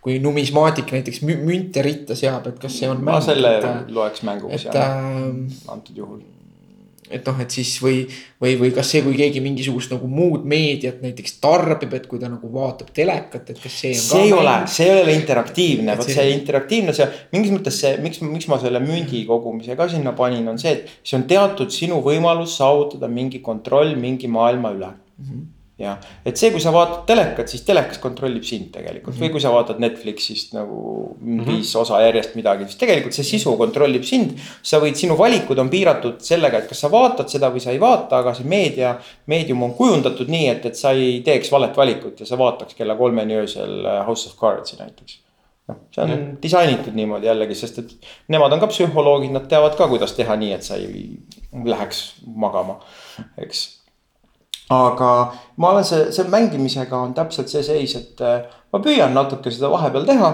sest noh, ma tegelikult tahan ja see suhtluse osa just see, et needsamad tuttavad, keda ma seal nagu kohtan nii-öelda, ei lähe pubisse õhtul. et see on see, see on see meie nii-öelda pubi, me kohtame kusagil džunglis ja siis vaatame, kes midagi seal teeb, eks mm. -hmm. aga jällegi on aegu, kus rohkem, on aegu, kus on vähem, on aegu, kus rohkem on vahepeal raamatu lugemist, rohkem filmi vaatamist aegu, kus on vähem, see ongi see, et see noh, võimalus on ju nii mitmekülgne. kas sa uut Blade Runnerit oled juba näinud? see on nii hea film, ma olen seda kaks korda vaatamas käinud, me võime sellest pikalt rääkida, aga vist ei. mina ei ole seda veel näinud, nii et. Äh, aga ma räägin jällegi, et ma olen nagu mõjut-, noh, mul on, ma olen nagu selline, kellele kindlasti need asjad need teemad, mida arutati, see fantastiline pildikeel, kui härra, kui sellele operaatoritööd vedanud härra Roger Deakinsile seekord ka Äh, ameeriklaste filmiakadeemia tunnustust ei anna selle eest, siis no kurb on, mees on mm -hmm. suhteliselt vana, ta on kolmteist korda kandideerinud erineval kujul ja see ongi see, et lihtsalt ei respekteerita. täiesti piinlik, noh. muusika, see oli ja see on tervikelamus, see film, see on see, et kui sa vaatad seda mingisugusest äh, väikesest aknast. halva kvaliteedi ja viletsa heliga, siis sa ei saa seda mm seda kino või korralikude kõrvaklappide ja korralikuma ekraaniga see kogemus. see oli, see oli selles mõttes kunstitöö, et sinna see heli ja pilt olid väga-väga detail, väga perfektseks aetud. sisu võib sulle meeldida, võib sulle mitte meeldida. kas ma võiksin seda vaadata, ma ei ole nagu esimest filmi näinud. jaa, palun. et kas ma võiksin ja, seda vaadata ka nagu niipidi? palun sellepärast, et tuleb teada, et Blade Runner on selline film, mis ei saanud alguses üldse mitte kuulsaks, ta ju praktiliselt ebaõnnestus nagu ütleme rahaliselt. see, et ta järgmise kolmekümne viie aasta jooksul kultusfilmiks muutus, lihtsalt tähendas seda, et sellel ajal tehti mingeid asju õigesti ma ei julge sulle kohe öelda, kas kahe tuhande neljakümne üheksaga Blade Runneri järjega, mis praegu kinodes on, läheb samamoodi. sest ma, ma eelistan mitte selliseid ennustamisi teha. aga ta on täiesti vaadatav sõltumatult. ta on täiesti nauditav sõltumatult ja ta puudutab mitmeid tänapäeva huvitavaid teemasid. nagu rääkimata täpselt detail ära, kui sa täna mõtled, kuhu nagu lähevad need äh, telefonid ja arvutid ja need Sirid ja Alexad ja kõik yeah. need asjad ja siis sa lähed ja vaatad seda filmi, siis sul tekib see, et ahah, sinna nad võivad minna küll jah mm et näiteks neid teemasid ilusti lahatakse seal väga mul tuli nüüd äh, selle filmi vaatamise isu peale, kaua see kinos on või? ma arvan, et ta natuke aega ikka veel on, kuigi need, kuigi need saalid olid üsna tühjad, kus ma käisin. okei okay,, okei okay., aga seda vist on Tartus on mõistlik seal Lõunakeskuse uues kinos vaadata heli ja üle pärast on ju. ja palun. peab minema, peaks juba see nädal minema. kindlasti peaks minema, palun. ma lähen siis võib-olla nädalavahetusel Pärnus üldse. no Pärnus on ka kobe kino nüüd olemas mm. -hmm. koba, kobe kino, kobarkino. jah mm, -hmm. aga rääkides sellest tehisintelligentsist, et äh, kas me, kas me, sinu arvates, et kas me Skyneti peaksime kartma või, või ei peaks? ma olen sellel teemal pidanud mitmeid kirglikke vaidluseid. see on nüüd muster, aga ma ei ole ai skeptik, sest inimesed ei suuda hästi defineerida, mis on ai. kui sa vaatad seda, mida inimesed kutsuvad ai-ks siis no see on lihtsalt äh, hästi palju maatriksite korrutamisi või tehtud õiges järjekorras, eks ole. see on ülikooli lineaaralgebra, see, et sa kutsud teda nüüd teatud õigel kujul õiges järjekorras tehtuna, kutsud seda tehisintellektiks. see on äh, kaubanduslik lisaväärtus, mida seal tuuakse. korraks katkestasin, et kas ma saan õigesti aru, et, et nagu see oli mõte, millelt mina ennast tabasin, et jooksis jälle kuskilt uudispealkirjadest läbi, et. et Google'i ai õpetas ennast nagu kõndima eks ju, kus siis seal olid nagu mingisugused mudelid. väga hea, väga hea. kus tal oli, eks ju, see neljajavaline, ilmselt nägid, on ju. ja ja mina mõtlesin nagu seda, et noh, et, et kas see ikka nagu on see. just, sest et paned sa tähele, kuidas sa seda sõnastasid ja kuidas seda sõnastati õpetati kõndima. no ma mõtlesin õppis. õppis kõnd-, vahet ei ole, õppis ja. kõndima, suurepärane. see tähendab, et talle öeldi, et kõndimine on hea asi ja see on see vaidlus, mis mul ai inimestega noh, siis kui ma koolis käin, püüti selle kohta öelda tehisloogika, sellepärast et tehisintellekt oli siis parajasti ei olnud veel oma oli mm -hmm. olnud tipp ära ja siis oli nagu rahulikum aeg. ja öeldi, et tehisintellekt on ikka väga kaugel, et see, mis meil on, on tehisloogika, okei okay. ja nüüd ongi see, et kuskohast peaks masin teadma, mis on nagu hea, mida on vaja ja see on see koht, kus sina ütled, mis on hea noh, inimene ütleb sellele suurepärasele inseneri tippsaavutusse Starshipi pakirobotile, et see, et sa ei sõida inimestele otsa, on hea. see, et sa jääd nagu siin autole pihta ei saa, on hea. see hetk, kui nagu nendest asjadest hakkab mingisugune süntees toimuma või nagu noh, hakkab toimuma äh, see koht, kus masin ise otsustab, et mis võiks olla hea ja mida ma võiks õppida see on see, mis on nagu Skynet nagu. ja ma, ma jällegi tehnikas, tehnoloogiale lähedamal olevad inimesed on vahel selgitanud mulle, aga põhimõtteliselt see on tehtav. ja täiesti võimalik, et ongi, aga see, mida täna tehakse ja see, mille kohta pressiteated on, see ei ole see, see on see, et me ütlesime ai-le, et, et õpi mängima Dota kahte. õppis, kõik inimesed maatasa, õpi mängima malet kõik inimesed maatasa, normaalne. sa ütled selle, mis on edu tingimus, kuidas edu defineeritud on. Mm.. aga nüüd, kui sa ütled ai-le, et edu on defineeritud niimoodi, et, et äh, sa oled noh, surres oled, tunned, et, et sa ei ole elanud oma elu valesti mm.. siis see olekuruum läheb niivõrd tohutult suureks. Ja üldse siis tekivad küsimused, noh, sa pead väga palju abstraktseid asju lahti selgitama ja siis on see, et need lähenemised, millega üritatakse selliseid asju teha, need minu meelest täna ei ole kaugeltki praktilised. et mis, mis mina isegi mõtlesin, et ikkagi see, see noh, okei okay,, et Turingu test ja, ja, ja kõik, kõik muud asjad, aga, aga. jällegi, see on see, et. jah, et, et, et seal on defineeritud ülesanne, seal on selgelt defineeritud ülesanne. edutingimused no, hästi selged. nojah, aga samas me võime ka mõelda, et noh, et ka ikkagi ju inimese kui võtame siis bioloogilise roboti jaoks on on teatud mõttes läbi ajaloo on olnud edu definitsioonid väga selged, eks ju, et ja. see on see, et püsida elus piisavalt kaua, et äh, saada järglasi, mis, äh, kes püsiks elus piisavalt kaua, et saada. absoluutselt jah, jah, absoluutselt. et, äh, et, et selle tingimuse järgi siis nagu ai-d luua on võimalik, aga noh, selle tingimuse järgi ai ei oleks kuidagimoodi nagu äh, rohkem või noh, et selles mõttes vihmauss on ka selline, eks ju. ei äh,, seal on see koht, et näiteks äh, seal on, et singulaarsuse rahvas on umbes täpselt istub seal ja muretseb väga sellist sorti ai pärast. sest et kui selle ai põhiline mõte on see, et, et äh, olla all, alles nii kaua, kuni saada järglasi ja siis, et nemad saavad järglasi, siis sealt kipub see eksponentsiaalne kasv kiiresti tulema. mis, mis ongi see, mida üks Skype'i asutajatest, härra Jaan Tallinn käib, äh, ravib kõikisuguseid äh, ai teadlaseid, ütleb, et, et palun kirjutage oma algoritmidesse see sisse, et kunagi, kui üks ai otsustab, et teeme kõik inimesed kirjakambriteks, et siis seda ei juhtuks, eks ole mm. -hmm. et, et seal oleks need piirid, noh, piiritingimused sees. ei nojah, see Asimovi kolm seadust, eks ja nojah, jah, jah, jah, jah et äh.... see Asimovi kolm seadust visatakse kohe välja aknast, sellepärast et esimene asi, mida kus selle asja rakendused ikkagi on, on sõjapidamine mm. -hmm. Et, et aga noh, sõjapidamise kontekstis äh, tekivad igasugused huvitavad küsimused seoses äh, noh, vastutusega, eks ju mm, -hmm. nagu et, et seal see see kuskile see sõjapidamise juura või ütleme, sõjapidamise eetika, mis on iseenesest üldse naljakas asi. ei, see on ikkagi olemas, selles mõttes see on keeruline asi ja täna juba need probleemid on olemas, sest ameeriklastel on need noh, sõjatööstuse tarbad, kõik need, kes ehitavad neid isetulistavaid kahureid ja kõiki neid asju. Need on ikkagi paar nagu päris nagu mittevastast ka maha lasknud ikkagi juba täna et äh, jah, see probleem on olemas, see on äh, juriidiliselt sarnane probleem sellele, mis on isesõitvatel autodel, isesõitvatel lennukitel, isesõitvatel rekkadel, kõigil sellel.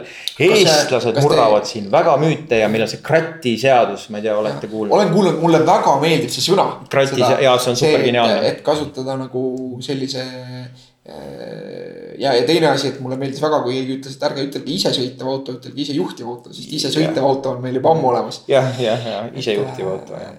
et, äh, et, et see krati sõna ja, et aga, et selliseid nii-öelda ise, äh, isejuhtivaid teatud tingimustes siis isejuhtivaid nii-öelda jutumärkides intelligentse. et neid nagu krattideks nimetada. see on täiesti geniaalne jah. et see nagu. järjekordne suurepärane Eesti e-riigi turundus või Eesti nagu eduloo turundus.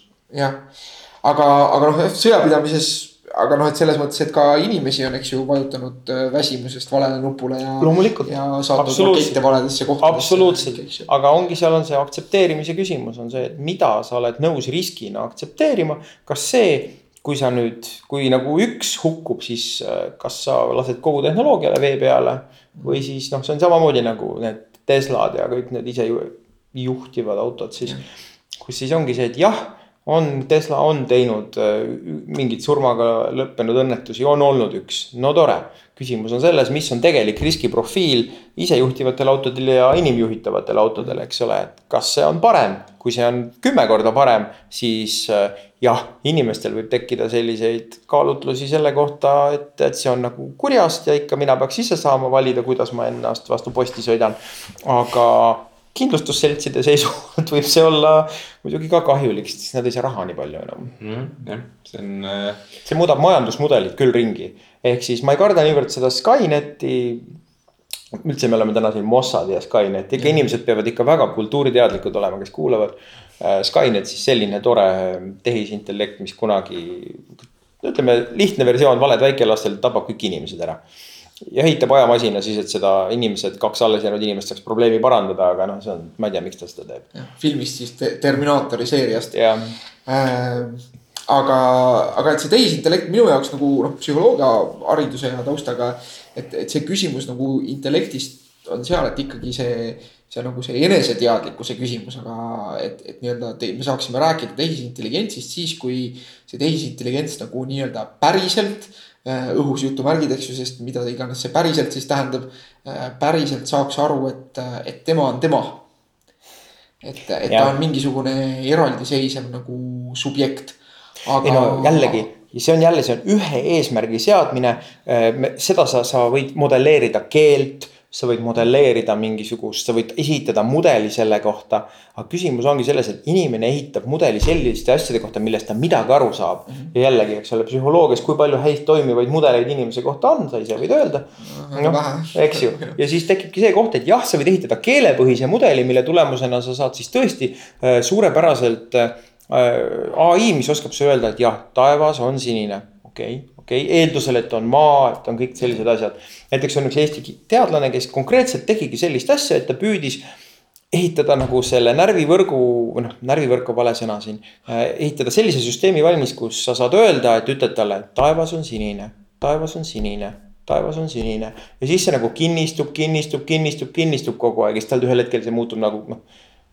internaliseerib, kehtestab selle ära enda sees ja siis nii on.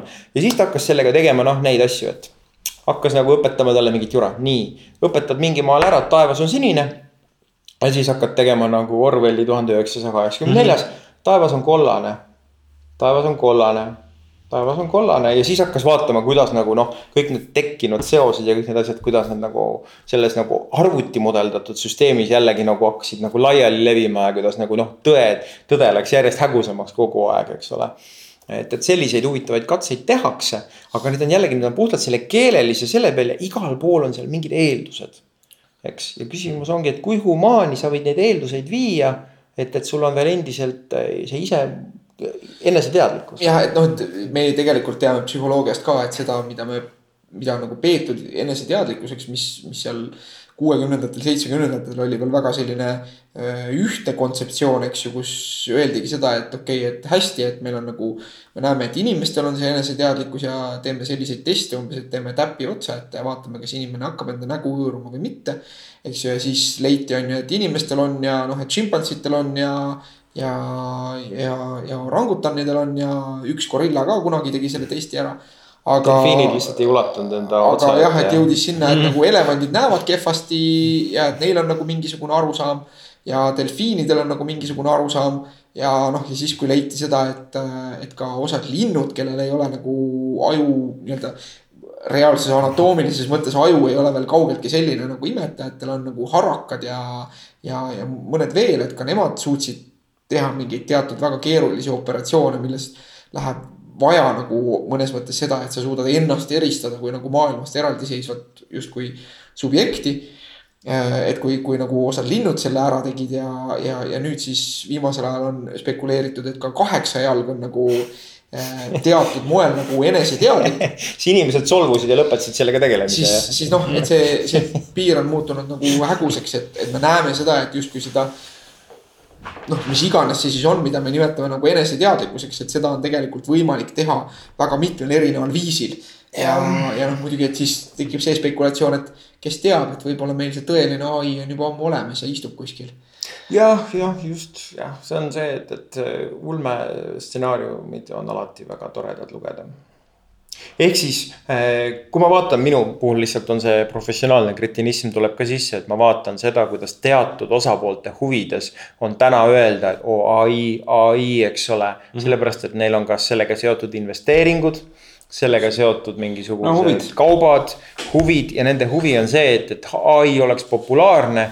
ja siis käiaksegi ja kirjutataksegi artikli, et oo igal firmas peab olema hakkama ai äh, ohvitser, kes nagu vaatab seda, kuidas selles ettevõttes siis nagu ai-d töötavad ja. ja see võib kunagi tulla, samamoodi nagu ma ei saanud alguses aru, milleks Youtube hea on, siis see võib tõesti tulla. aga see ei ole seesama Skynet ja Matrix ja kõik need asjad, me ei ole täna seal et, äh, et see on seesama vana hea aktsioom, et me kipume tehnoloogia mõju nagu lühiajaliselt. Äh, täpselt üle hindama ja, ja pikaajaliselt alahindama. täpselt, see on niivõrd õigesti öeldud selles suhtes, täiesti nõus, ma arvan, et tulevikus midagi noh, see variant on ju olemas, sest et kui me suudame seda kujutleda, siis see võib olla ehitatav. aga tänane tehnoloogia tase minu meelest me ei ole seal veel. seal võib olla ka majanduslikud piirangud sellele kõigele, kas on nii mõtet? vot, need on, need on väga head mõtted, millega ma arvan, tänane, tänane õhtu kokku võtta et saame magama minna niiviisi, et ja. ei pea kartma homset tapjarobotite ülemvõimu. nagu eilegi. Äh, tähendab, et, et tapja, et, et kui ma sain sinust õigesti aru, siis tapjarobotite ülemvõimu on põhjust karta, aga ei pea muretsema selle pärast, et neid ükski inimene enam ei juhiks. et kui ja. need tapjarobotid tulevad, siis kuskil nende taga on ikka see inimene ka. ei no sa saad ehitada ju midagi jällegi, mis suudab mingisugusel piiratud kujul mööda tänavat minna ja vaadata, ahhaa, inimene pildituvastus ütleb, et inimene lase, eks ole, seda on võimalik ehitada, aga siis ta jällegi. see on ehitatud tegelikult. ja, ja ja siis inimene, inimene on ehitanud sellise asja. et see loominguline, see loovinstinkt on tulnud inimesest, aga see jah, läheb juba kiiresti metafüüsikaks. Mm -hmm.. jah, et äh, nagu ikka külalistega, et mul tekib taas see see mõte, et äh, olgugi, et TAN on väga hõivatud, siis eks me peame tulevasse aastasse ära broneerima mingisuguse, mingisuguse aja, et äh, sellistest digi ja, digi ja nagu Äh,